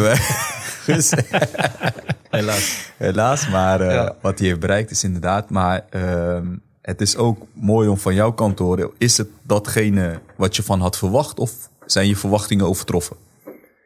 Eh, ja, wat ik had verwacht is. ehm, eh, het is een hele andere leeftijd. Dus hoe gaat dat? Ik ben eh, een stuk jonger. Trainer is eh, 74 jaar. Ik was toen eh, 29, 28, 29. En dan ga je wel denken van ja, gaat het wel op het veld klikken? Eh, je bent straks eh, een paar weken weg. Hoe, hoe is die samenwerking, weet je? Eh, waar ga je het over hebben? Maar nu je echt hebt samengewerkt, denk je, wauw, ja, dit, dit past gewoon echt. Dit, ja. Ik had het niet zo goed verwacht, zeg maar. Leeftijd speelt geen rol. Nee, totaal niet. Nee. In voetbal helemaal niet. Nee. En we waren november, afgelopen november weg. Nou, vorige week waren we tien dagen weg.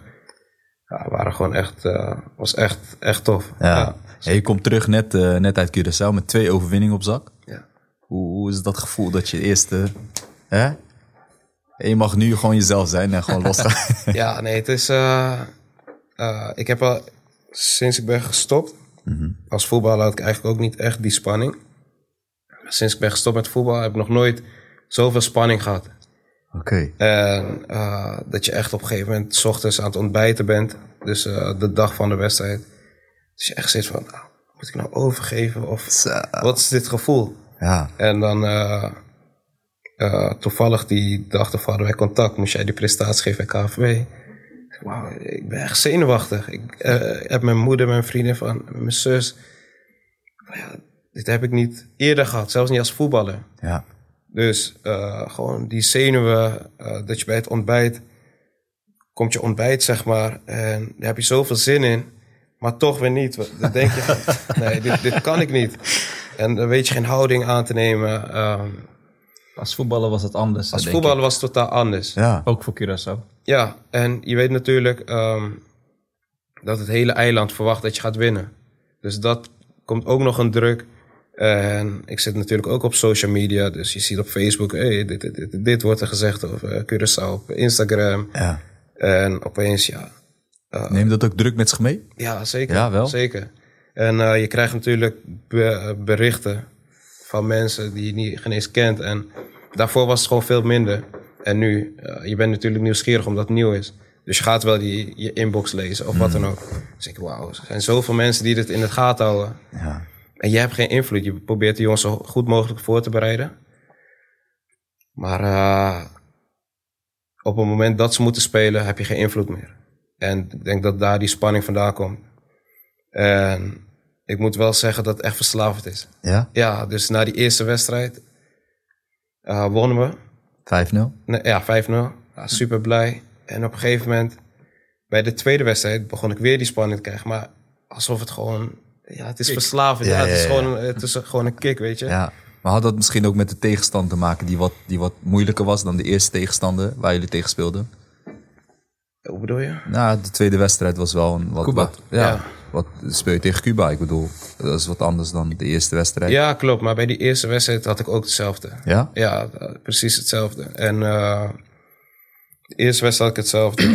Eh, dan denk ik dat bij de tweede misschien wat minder wordt, omdat je het al gewend bent. Of, eh, of juist meer omdat er betere tegenstander is. Maar ja, het was, was precies hetzelfde. Had niks met tegenstander te maken. Nee. Het was gewoon je spanning vanuit je rol, zeg maar. Juist. Ja. En eh, ja, het was wel echt een eh, gek gevoel. Ja. Ja.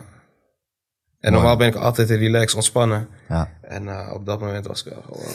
Ik hoor jou ook in, in, in, in de eh, tijden dat je spanning hebt, druk hebt, eh, een beslissing moet nemen of wat dan ook. Dan zeg je, ik praat met mijn moeder, ik bel met mijn vriendin. Eh, zijn dat degenen die, waar je altijd mee schakelt? Ja, zeker. Ja? Vind ik Zeker. wel mooi om te horen namelijk, dat je dat, dat, je dat op die manier opbouwt. Het is in ieder geval mij eh, opgevallen. Ja, klopt. klopt. Voorheen ook met mijn vader, maar die is eh 2015 overleden. Gecondoleerd man. Ja, dus ja, vooral met mijn, met mijn ouders. Die zijn er vanaf dag één. Ja, Ja. Mijn zus, mijn broer. Echt van, vanaf dag één steunen. Eh, maar vooral mijn ouders heb ik echt eh, altijd ja, het meeste gehad. En nu is dat mijn vriendin sinds eh, negen jaar. Jessin ook altijd. En ja, dan is het fijn om even terug te schakelen Zeker. ja, naar hun. En wat ik zeg, op een gegeven moment als voetballer ken je veel mensen. Veel mensen gaan het vrienden noemen, maar ik heb altijd een heel klein vriendengroepje gehad. Mhm. En dan ga je wel even terugschakelen naar diegene waar je dichtbij staat. Ja. En daar heb je natuurlijk veel aan. Want ik weet nog, eh, ik, app, eh, ik- ja, ik appte Jesse in die dag voordat ik eh, de presentatie aan de spacesgroep moest geven. Ik zeg, hey, eh, morgenochtend presenteren aan de groep. Ik hoop dat het goed gaat. En, want zij moeten het uitvoeren. Je hebt het Ja. allemaal in je hoofd. Oh, Ja. zo wil je dat doen, dat, dat, dat. Maar zij moeten het accepteren en uitvoeren. Yes, ja, geen probleem. Ik, ik heb morgen toevallig ook een eh, presentatie bij de KVB. En toen liet hij zien wat hij ging presenteren. Oké, maar soort alsof het ja, rust geeft of wat Ja. dan ook, weet je. Ja. Weet je wat het is? En dat is denk ik ook waarom eh, die, die klik tussen ons eh, er is. ja, Is omdat ik vrij vroeg, oh, tenminste vanaf dat ik hem ken eigenlijk, za- al zag hoe hij ook met zijn ouders omging. Hè? Eh, in het begin was ik, ging, ging ik meer met de vader om dan met hem, bij wijze van spreken. Ja. Dus ik, ik, hè, de, de, de, de band, zeg maar, die, die heb ik ook heel erg, zeg maar, met, met familie, met ouders. Zag ik bij hem ook heel erg terug. En zie ik nog steeds hoe hij daarmee omgaat, eh, eh, hoe hij voor ze zorgt, hoe hij er voor ze is, zeg maar, waar hij ook is. Wat, hè? je herkent jezelf in terug. Ik herken mezelf er heel Behalve erg die vlechtjes die hij had. Behalve die vlechtjes inderdaad. Ja, ja. ik had dan ook nog krullen. Oh ja, had Ja, ja, krullen, ja. Kan ik me ook niet meer voorstellen Ik kan me niet meer voorstellen, inderdaad.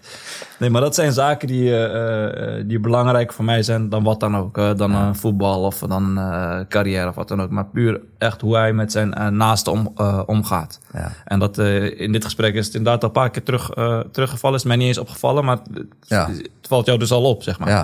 En dat geeft aan hoe, hoe, eh, eh, hoe hoog hij dat, zeg maar, heeft staan. Ja, Moerat is het ook opgevallen hoor, alleen hij, hij is wat stiller, zeg maar. eh. Ja, ja. Ja, omdat, ik geen ruimte geef, snap Het is je om wat je zegt, eh, Nee, maar dat is echt zo. Dus dat, dat, dat, en datgene, dat komt ook steeds terug in het bewust keuzes Juist. maken. serieus nadenken over bepaalde zaken. Eh, tuurlijk, een lolletje. Deze jongen, eh, ja, hij kijkt nu wel serieus, maar ondertussen, hij, hij, is, hij maakt de hele dag wel grappen en grollen, weet je wel. Dus daar is echt wel ruimte voor. Juist. Maar dat eh, eh, bewust eh, en, dat, en dat ook meegeven, dat, dat is... eh, ik denk dat daar ook heel veel van die klik eh, tussen ons zit, zeg maar. Ja. ja, mooi om te horen, man. Moerad, eh, jij bent aan het woord. Ja, ik denk Volgens dat we een bruggetje moeten, moeten gaan maken ook in het Ja, van jij, die, jij bent eh, wel goed in eh, brug. Brugge, ja, sowieso, man. Hey, we hebben altijd een vast thema dat onze gasten wat, eh, wat meenemen. Ehm ja, jullie Ja. hebben iets meegenomen, zie ik eh, op tafel. Misschien kunnen we daar iets over vertellen. Dus laten we eens met, die, eh, met dit beginnen. Thee. Ja, mag jij doen? Twee zakjes thee. Twee zakjes thee. Oké. Van? Van, even kijken. Dat merk. Van Lipton in Kenia. Van Lipton. Lipton. Yes. Kenia moet je naar kijken. Oh, oké. oké. Lipton. Lipton. Gewoon theezakjes. Hey, Moerad. Geen man. Ah, Lipton thee.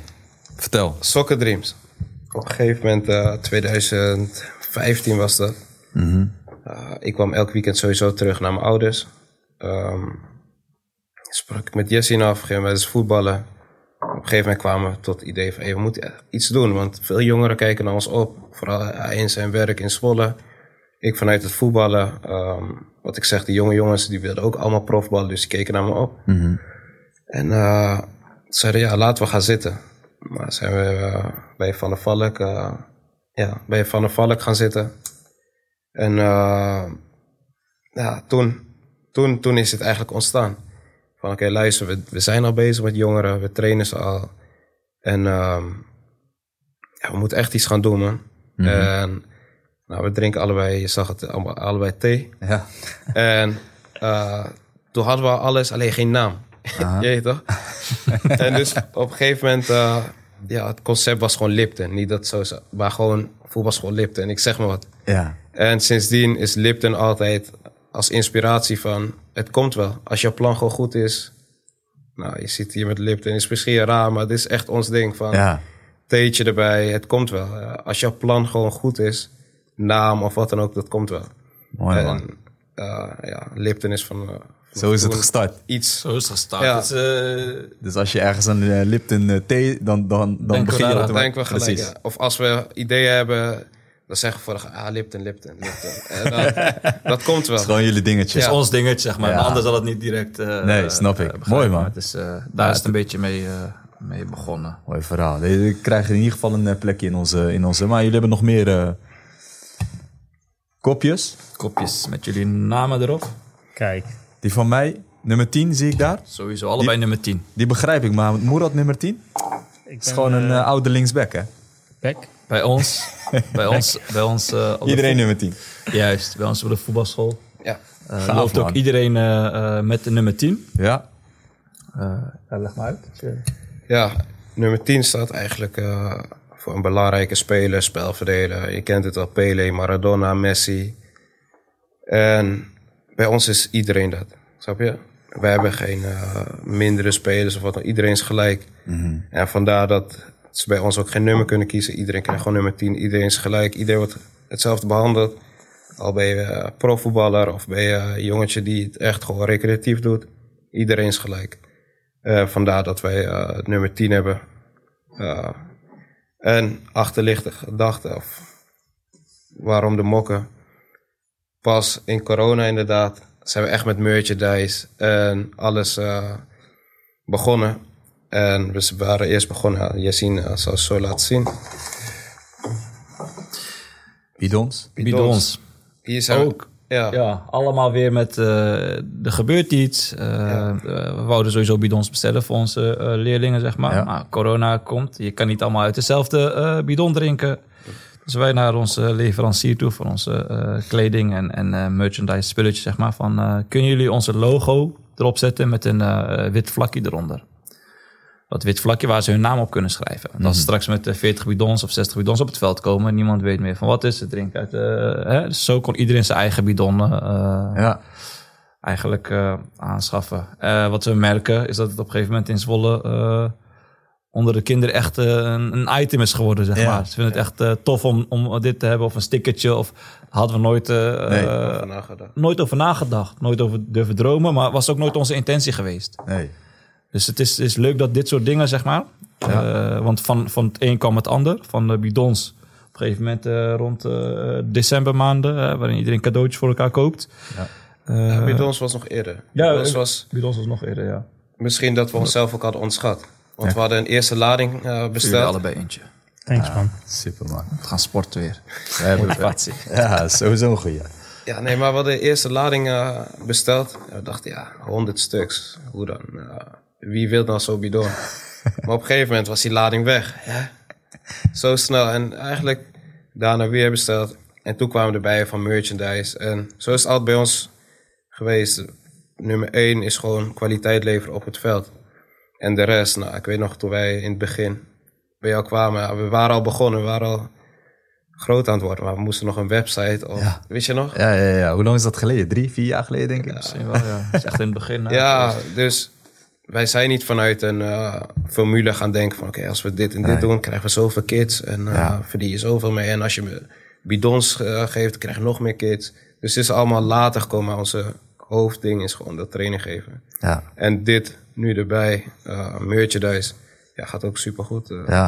Het is echt, het, het, eh, soms geeft dat wel een kick, zeg maar. Het is inderdaad, het is nooit al intentie geweest, hè. Nee. Wat ze zegt, eh, wij vinden het leuk om te voetballen, eh, voetbaltraining te geven en te begeleiden.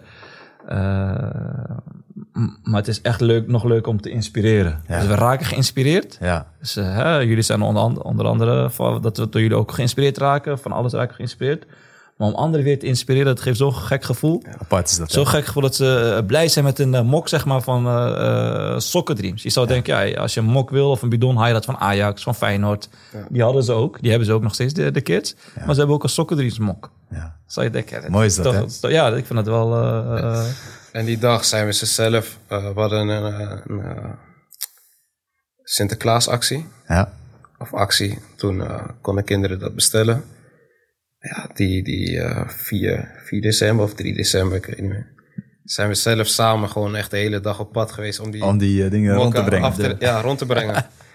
En dan is voel je toch iets terug. En je had sowieso minder binding met de ouders, omdat door de corona ouders eh, niet welkom waren. Ja. Dan maak je toch een praatje en dan merk je wel van, wow, het leeft wel, weet je. Ja. En zaten we in de, in, eh, in de auto, hele kofferbak vol met mokken. We hadden ze mooi ingepakt. Dus dat geeft je inderdaad, wat je zegt, echt een kick. Eh, inspireren, je bent echt iets, eh, eh, een merk. Ja, je maakt het tastbaar. Dat is het. En je plakt je logo er wel op. Maar ik denk dat meer het gevoel is, ik hoor daarbij. ja. En daar is dit een onderdeel van. Een tastbaar item. Wat, ik, wat ik ook kan gebruiken. En dat is het ook. Je hoort ergens bij. Ergens waar je bij wil horen. Juist. Ja. Ja, nice man. Dus, ziet, er, ziet er mooi uit. Gaan we een mooi plekje geven in de podcastruimte. Ja, ik, eh komt zeker eh, een kan eh, lekker plekje. uitdrinken. Ja. mooie, mooie reis, eh, heren. Waar jullie eh, momenteel in bevinden. Eh, wat zijn de doelen voor de komende? Meestal stel jij die, eh, die vraag, hè? Heb ik al gesteld. Ja? Ja, voor de komende Was je aan het jaren ook? slapen? Of, eh? Dat is de eerste grap eh, van vandaag. nee, maar eh, als je kijkt naar de eh, eh, Soccer Dreams. eh, de komende jaren. Waar jullie nu mee bezig zijn. Eh, eh, jullie maken dingen tastbaar. Wat staat er nog meer in, eh, in jullie... eh, zijn er meerdere ideeën? Hebben jullie vaker tegendronken de afgelopen tijd? Dat jullie denken van, dat zijn ideeën. We hebben nu eigen mokken, dus de thee was er. ja, je wilt altijd eh, beter. Eh, mensen maken nog wel eens een fout om groter te willen worden of eh, dingen uit hand te geven. We willen gewoon wat we op het veld leveren, dat beter, ten alle tijde beter blijft en wordt. Daardoor investeren we nu ook in trainers, dus in goede trainers, eh, trainers opleiden, zodat dat altijd onze, ons ding blijft. Kwaliteit. Eigenlijk, eh, eh, ik denk het belangrijk, ook wel belangrijk voor ons een soort van legacy. Ja. Ja. Dat achterlaten. Als we dat zien, die visie, ook de trainers die we dat opleiden, de, maar ook los van het voetbal, zeg maar. Dat, ik denk dat dit een hele belangrijke is. Het eh, legacy dus achterlaten, zowel voetballen, zeg maar, eh, voetbalstijl, Ja. als eh, persoonlijkheid.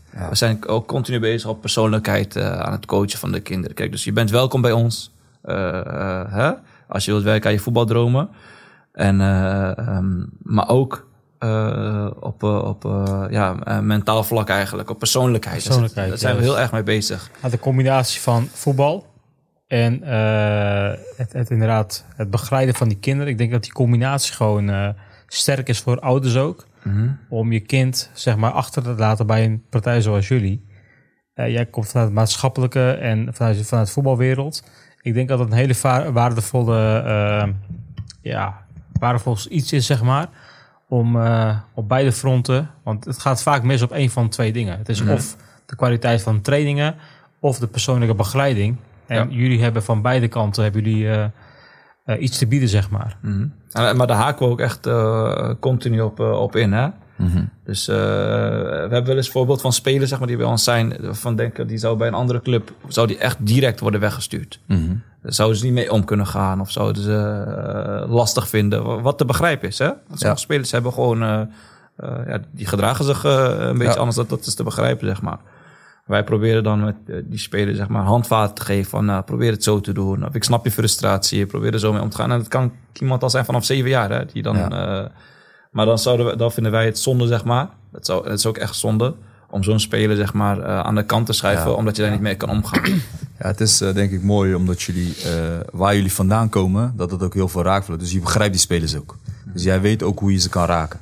Ik denk dat dat het grote eh, verschil is Ook ten opzichte van anderen. Hè? Ook dat, maar we weten ook eh, hoe de clubs willen werken. Ah, Snap je? En eh, binnen voetbal, betaald voetbal, zeggen ze ja, daar zit een goede kop op. Die moeten we nemen. Snap je? Dus ehm, ze geven snel stempel. En we kunnen de, de spelers ook meegeven van hé, hey, luister, als je je zo gedraagt, dan kom je er niet. Eh, als je wel wordt uitgenodigd, wees altijd jezelf, maar denk hieraan of hieraan. Eh, wat de ouders nooit hebben ervaren of wat ook, die kunnen dat niet meegeven. Kunnen wij wel de spelers op dat vlak ook aanbieden. ja, En ik denk dat we daar gewoon, eh, gewoon goed mee bezig zijn. nice man. Ja. En Murat, als je het zo hoort als Deventenaar, hoe oud is die kleine van jou? 3,5 man. 3,5. Ik weet niet of die al eh, aan Ja. kan sluiten, maar eh, hij is trouwens linksbenig, hè? Hey, Hij heeft, hij heeft DNA. Luister, hij heeft DNA van zijn pa. Ja. Je, ziet, je ziet er nu niks meer aan, hè, Guillaume? Maar vroeger, hè? Als je in Friesland kwam, hij was de overmars van Friesland. Ja. Ja, ja. Deze man was snel, vriend. Maar je kan je niet- dat niet Nog inbeelden, maar ik ga foto's voor je opzoeken. Serieus. Was het Bolsward toch of zo? Harlingen. Harlingen? Harlingen, ja, Deze man. was snel. Maar als die kleine DNA heeft hij van zijn pa, dus... eh, Ja, hij is snel. maar ga je dan hij is eh, Ga je op en neer? Zondag? Wanneer? Ja, naar Zwolle, eh, over een jaartje of drie. Ja, waarom niet, man? Gewoon eh, Bij kijken deze. of Jullie hebben weer een lid erbij. Jullie gaan zondags bij Oelus voor nee. En, dat ook, hè. Ik denk toen, toen wij hier ook kwamen voor die website en eh, toen konden wij nooit, eh, ja, dromen niet, maar we zaten nooit aan het denken van, hey, kinderen buiten Zwolle. Maar nu hebben we ook spelers uit Deventer, uit Apeldoorn, uit eh, Putten. Putten, Emmeloord. eh, Gek. we hadden voetbalkamp iemand uit Friesland. Dus ja, het is echt, eh, het is niet meer Zwolle eigenlijk. Mooi is dat. Ja. Ja. Boys, eh, eerste, eerste podcast voor jullie. Eh, wat vonden jullie ervan? Eh, jij was een beetje zenuwachtig, Jesse, man. Ja. Als ik heel eerlijk, mag zijn. Echt? Gillian eh, rustig. Hij- ja, deze man, hij is nu assistent Bosco. hij is Je rapper hebt toch? gehoord. Hij heeft vaker in de studio gezeten. Is Dit is voor hem. dus Hij denkt, wat doe ik hier? Nee, nee, nee. Ik, eh, ik, eh, eh, niet dat ik zenuwachtig was, maar het is wel altijd. Kijk, wij, eh, ik spreek dan ook voor mezelf, maar ik denk ook voor Jessie. Wij, wij zijn niet van dit, van een camera of. eh, Snap ik. Kijk, het moet wel, het hoort bij je werk uiteindelijk. Ik, Ja. ik moet eh, interviews afgeven of voor de camera staan. Maar het liefst staan we gewoon lekker op het veld. Doen we dat. Maar eh, ja, ik moet zeggen, ehm ja, komt ook mee door jullie dat het gewoon zo, zo makkelijk gaat. En ik weet nog wel, eh, wat ik net zei in de gym, dat je nog een keer vroeg van, hey, we moeten een podcast. En ik, nee, man, eh, Niks van mij. ja, het is niks voor ons, maar eh, jawel, het is, eh, het is, is leuk om te doen. Ik denk dat heel veel luisteraars ook eh, vanuit jullie verhaal, zeg maar, eh, heel veel mee kunnen pikken, waar ze gewoon in de toekomst ook wat aan hebben. Ook vanuit jullie maatschappelijke rol of rol als trainer. Ook als mens, zeg maar, hoe je naar het leven kijkt. Ik denk dat je op deze vlak ook weer mensen gaat inspireren. Wat ook natuurlijk wat bij jullie heel goed past. Dus ik denk eh, ja, dat heel veel mensen ook jullie dankbaar zijn nadat ze de- deze podcast hebben geluisterd. Wij zijn ook dankbaar dat wij, eh, dat wij hier mogen zijn. Joh. Ik, eh, jullie, zijn, jullie zijn er nog niet van, of in ieder geval nog niet van mij af. Anekdote Jan Eversen. Die wil ik, nog, die wil ik nog even erin gooien, man. Laat. Ja, dus eh Wat even van, weten? ja, nee, ja, Gillian keek, ja, we kunnen er beide iets Nee, anders over. Nee, ik, ik moest lachen. Gewoon, ik- Kijk, we hebben beide andere ervaring gehad met, eh, met Jan Eversen. Mhm. Ehm, als ik bijvoorbeeld met kids, we hebben vaak gesprekken met ouders of kids, dan eh, hebben we het over bijvoorbeeld, ja, en mijn trainer die me terug heeft gehaald naar het betaald voetbal, die me heeft laten debuteren, Jan Eversen. Ehm, die is goed voor me geweest en dit en dat. En dan heeft Jessin weer een hele andere ervaring met, met die trainer. En dan kijk ik elkaar, is dat wel een goed voorbeeld? Dus dat is het meer. En eh, Weet je, die man, ik, ik zeg heel eerlijk, ik vond hem eh, een fantastische veldtrainer. Ja. Zonder gein. Echt, eh, ik heb heel veel geleerd op het veld. Hoe die positiespellen wegzetten. eh passen, trapvormen, eh tactisch, weet je wel. eh, dat Rotterdamse bluff, zeg maar. Dus dat goud. Echt, Ja, ja. qua veldtrainer top. Eh, kom je op het menselijke, kijk, daar zit ik meer op. Hè? Het maatschappelijke, eh, sociale, hoe ga je met mensen om? Mhm. Eh, hoe benader je, hoe praat je, waar heb je het over? Dat soort dingen. Dan denk ik, ja, zou ik wel anders doen. Ja, kan hier nog wel wat van leren. kan, kan inderdaad. Zo, zo, zo sta ik erin. Ik kan van alles leren. Ja. Dus goed, kijk, ik had natuurlijk niks te zeggen. Ik was heel jong, hè. Ik was eh, 18, 19, ik kwam net kijken. Dus, en kwalitatief was ik ook nog niet zo ver als de spelers die daar stonden, zeg maar. Maar ik zou toch met sp- spelers anders omgaan. Want wat je zag, is dat de creatieve spelers, zeg maar. De, de Dirk Boerichter, eh, Anton Jongsma in die tijd. eh Anko Jansen, grootste Zwolse talent in die tijd. eh, allemaal creatieve spelers, zeg maar Ja. die lukte het niet zeg maar, om, om daarmee door één deur te gaan. Zeg maar. Dus die gingen of weg of gingen, moesten in het tweede spelen. Of, terwijl hij als trainer echt toptraining had en, en tactisch ook wel ideeën had van wauw, dit is echt fantastisch. Alleen het gekke is, waarom, waarom moest lachen? Kijk, dat kan een keertje gebeuren. En op een gegeven moment ben ik eh, de amateurwereld ingegaan. Dan ging ik eh Flevo Boys spelen. Eh in Emmeloord was dat, hoofdklasse, topklasse op een gegeven moment. En we speelden met Flevo Boys een oefenwedstrijd tegen eh PEC Zwolle. Waar Gillian eh, weer zat. Ja. Dus we speelden op een eh door de weekse avond. Tegen elkaar? Of, Ja, eh, tegen elkaar. Ja, ja, tegen elkaar. eerste, ja. eerste eh, e- enige wedstrijd ook. Ja. Tegen elkaar. Ja, tegen elkaar. Ja, eerst enige wedstrijd inderdaad, ja. Dus we speelden een oefenwedstrijd, eh Flevo Boys eh, tegen PEC Zwolle. En eh, we stonden op, eh, op het veld en eh, bla bla. Maar na die wedstrijd kwam volgens mij Art Langere, zat, zat in de spelershome. En die maakte een grapje. Want ik zou, het nieuws ging al rond zeg maar, in de regio dat ik naar, van Flevo Boys naar WHC in Wezep zou gaan. ja. Daar is hij volgens mij ook trainer geweest, hè? Ja, maar daar, kwam, daar komt het dus. Ja. Dus die arts maakt een grapje. Ja, weet je al wie de nieuwe trainer wordt volgend jaar? Want ik ik hoorde al dat, dat de andere trainer was ontslagen.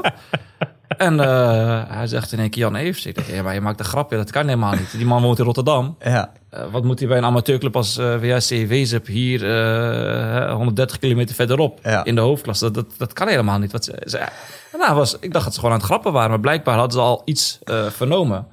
Dus de volgende dag reed ik op weg naar de training, naar uh, Emmeloord. En word ik gebeld door een toenmalige sponsor van WSC.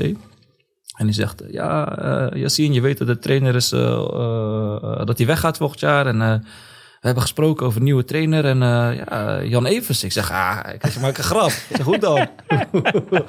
Hoe kan dat? Die man is bij... was Kijk, wat voor toeval. ja, hij is bij Zwolle geweest. Hij ging naar Sparta. Ik weet niet waar hij nog meer is in die Ja. tijd. weer terug naar PEC Zwolle. Nou goed, ik weet niet waar hij overal was. En hij komt weer terecht bij dat, dat kan niet zo zijn. Dus uiteindelijk, eh, nou ja, ik ging als... eh, maar toen was ik al een paar jaar ouder natuurlijk. Een paar jaar verder. Ik had al, eh, nou ja, in de regio best wel mijn naam gevestigd, zeg maar, als amateurspeler. Dus ik kwam anders binnen. Ik kwam niet meer als die voorzichtige jongen, hè, die, die al heel Ja. bescheiden was. Dus ik, ik was daar wel, ik kwam ook als aanvoerder, dus ik speelde. Dus het was, de, rol, de rollen waren anders. Ja. Dus nou goed, ja, je moet wel. Ja. Als de trainer, je bent speler en je gaat gewoon met elkaar weer aan het werk. Eh, prima Ja. hand gegeven, verder gegaan. Want hij had me uiteindelijk ook weer weg, eh, weggestuurd bij Zwolle. Uiteindelijk weer samengewerkt. Nou, dat ging een halfjaartje eh, prima. Aanvoerder, tot de winter volgens mij alle minuten nog gespeeld. Ja. En in de winterstop, eh ja, dat gebeurt ook bij amateurverenigingen, ga je onderhandelen over een nieuw contract. Ja. En nou, toen merkten we wat, wat ruis op de lijn, zeg maar. Eh, laat ik het zo eh, houden, zeg maar, zonder in details te treden. En eh, ehm, ja, eigenlijk vanaf toen geen minuut meer gespeeld. Dus, eh, Geen minuut. En dat, dat, dat, eh, ja, dat- van aanvoerder af. van aanvoerder af. Ja, en dat, dat is heel gek, zeg maar. Ja. Ehm, dus dat, dat zeg ik. Kijk, voetballend echt eh, geen, geen, geen kritiek op. Nee. Alleen maar lof en Ja. echt veel geleerd. En dat waardeer ik ook, want eh heb ik ook van vroeger aan geleerd. Je leraren, je trainers, wie het ook mogen zijn. Altijd eh, respect voor hebben en bedanken voor hetgeen wat je van hen hebt eh, geleerd, zeg maar. Juist. Maar je moet, op een gegeven moment, je moet ook wel eh, scherp zijn en menselijk zijn. Dus, eh, En maar eh, is hij twee keer daar trainer geweest bij WHC? nee, één keer dus. Één keer? Ja. Want heb jij dan met Ibrahim ook gevoetbald? Nee, Met toen me- ik wegging dus. Dus Ja? toen ik... eh, dat, ja, dat, is ook, niet- dat is ook wel tekenend, denk ik. Want we hebben daar een jaar gespeeld. We hadden echt een gek team. Ja. Echt een heel gek... Mooi, eh, eh, mooi team. hele gekke selectie hadden wij. Ja. Maar eh, na dat jaar, dus we stonden dus eh, echt ook ruim bovenaan, hebben we het kampioenschap weggegeven. Zijn er volgens mij 21 spelers vertrokken. Ja, oké. Dus we zijn met eh, hè, een paar gingen daar. Dus iedereen heeft WRC op een gegeven moment, na dat seizoen dat ik daar heb gespeeld, Ja. verlaten. En toen kwam inderdaad, toen moesten ze heel snel gaan handelen. Ja. Toen hebben ze de jongens uit de regio, inderdaad, zoals Ibrahim. eh, Ja, mijn neefje. gehad. Ja, jouw neefje, ja, ja, Ik zeker. weet het nog, voor hem was het een stap vanuit uh, Kampen. Van Kampen inderdaad Naar naar, WHC. ja, ja. Toen waren we al weg, eh, Ja. allemaal. Grappig, man. Ja. Mooie, mooie Voetbalwereld is, eh, is klein. Kleine voet, Is ja. klein. En klein. dat is, dat, is, eh, eh, dat is ook wat mensen niet, eh, geen rekening mee houden. Je komt elkaar altijd wel tegen. Ja. Als tegenstander, als teamgenoot, als collega's. Dus eh ja, Ja. voetbalwereld is klein man. Hey eh, Gillian, eh Jessin als voetballer. Als je hem zou moeten omschrijven. Jessin, we hadden het laatst nog over. Jessin, eh, technisch. eh, kon echt, hij stond centraal achterin. Van achteruit echt iedereen uitkappen, eh, scoren, assist ge- geven. Ja, serieus. Als een centrale verdediger. Als centrale verdediger echt inzicht, supergoed. Eh, hij had echt alles. Ja. Één ding na was, eh, was zijn snelheid.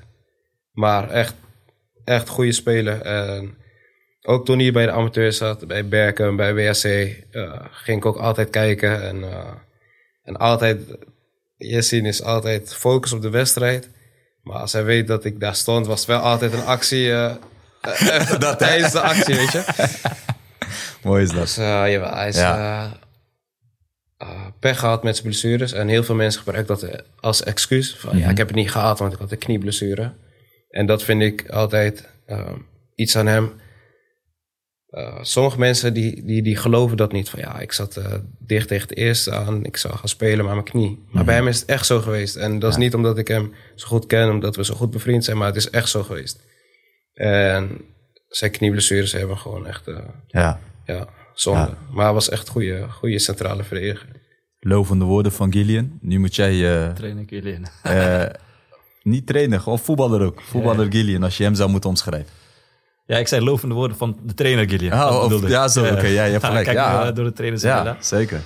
Eh, Gillian, ja, eigenlijk wat ik zei, eh, ehm, eh, of, of wat ik nu ga zeggen, hij is klein van stuk, maar hij is wel een groot speler. Ah, Hij is, oh, hij is niet de langste, maar hij is wel echt een bikkelaar. Fel, slim ook. Dus tactisch, tactisch als kleine zien te overleven in het spel ja.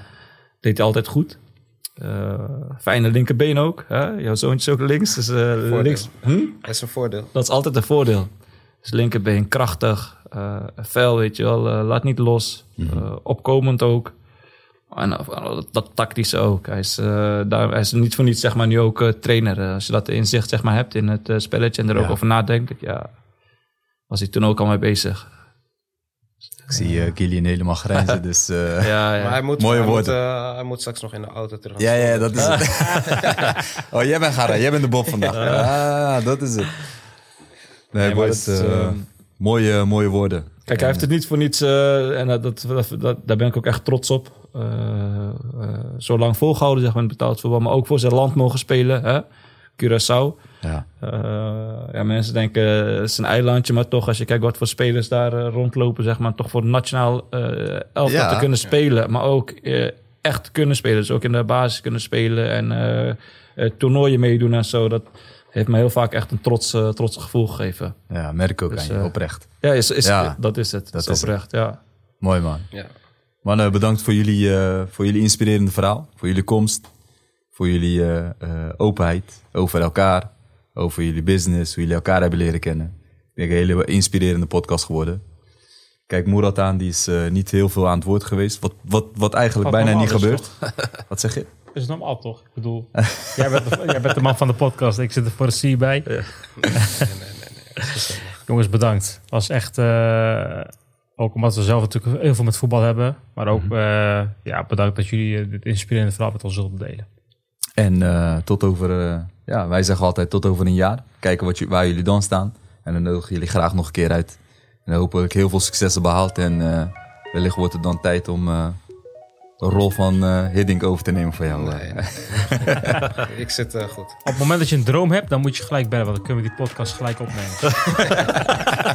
Twee dagen van tevoren. Precies. Mooi gezegd. Jongens, dankjewel. Thanks.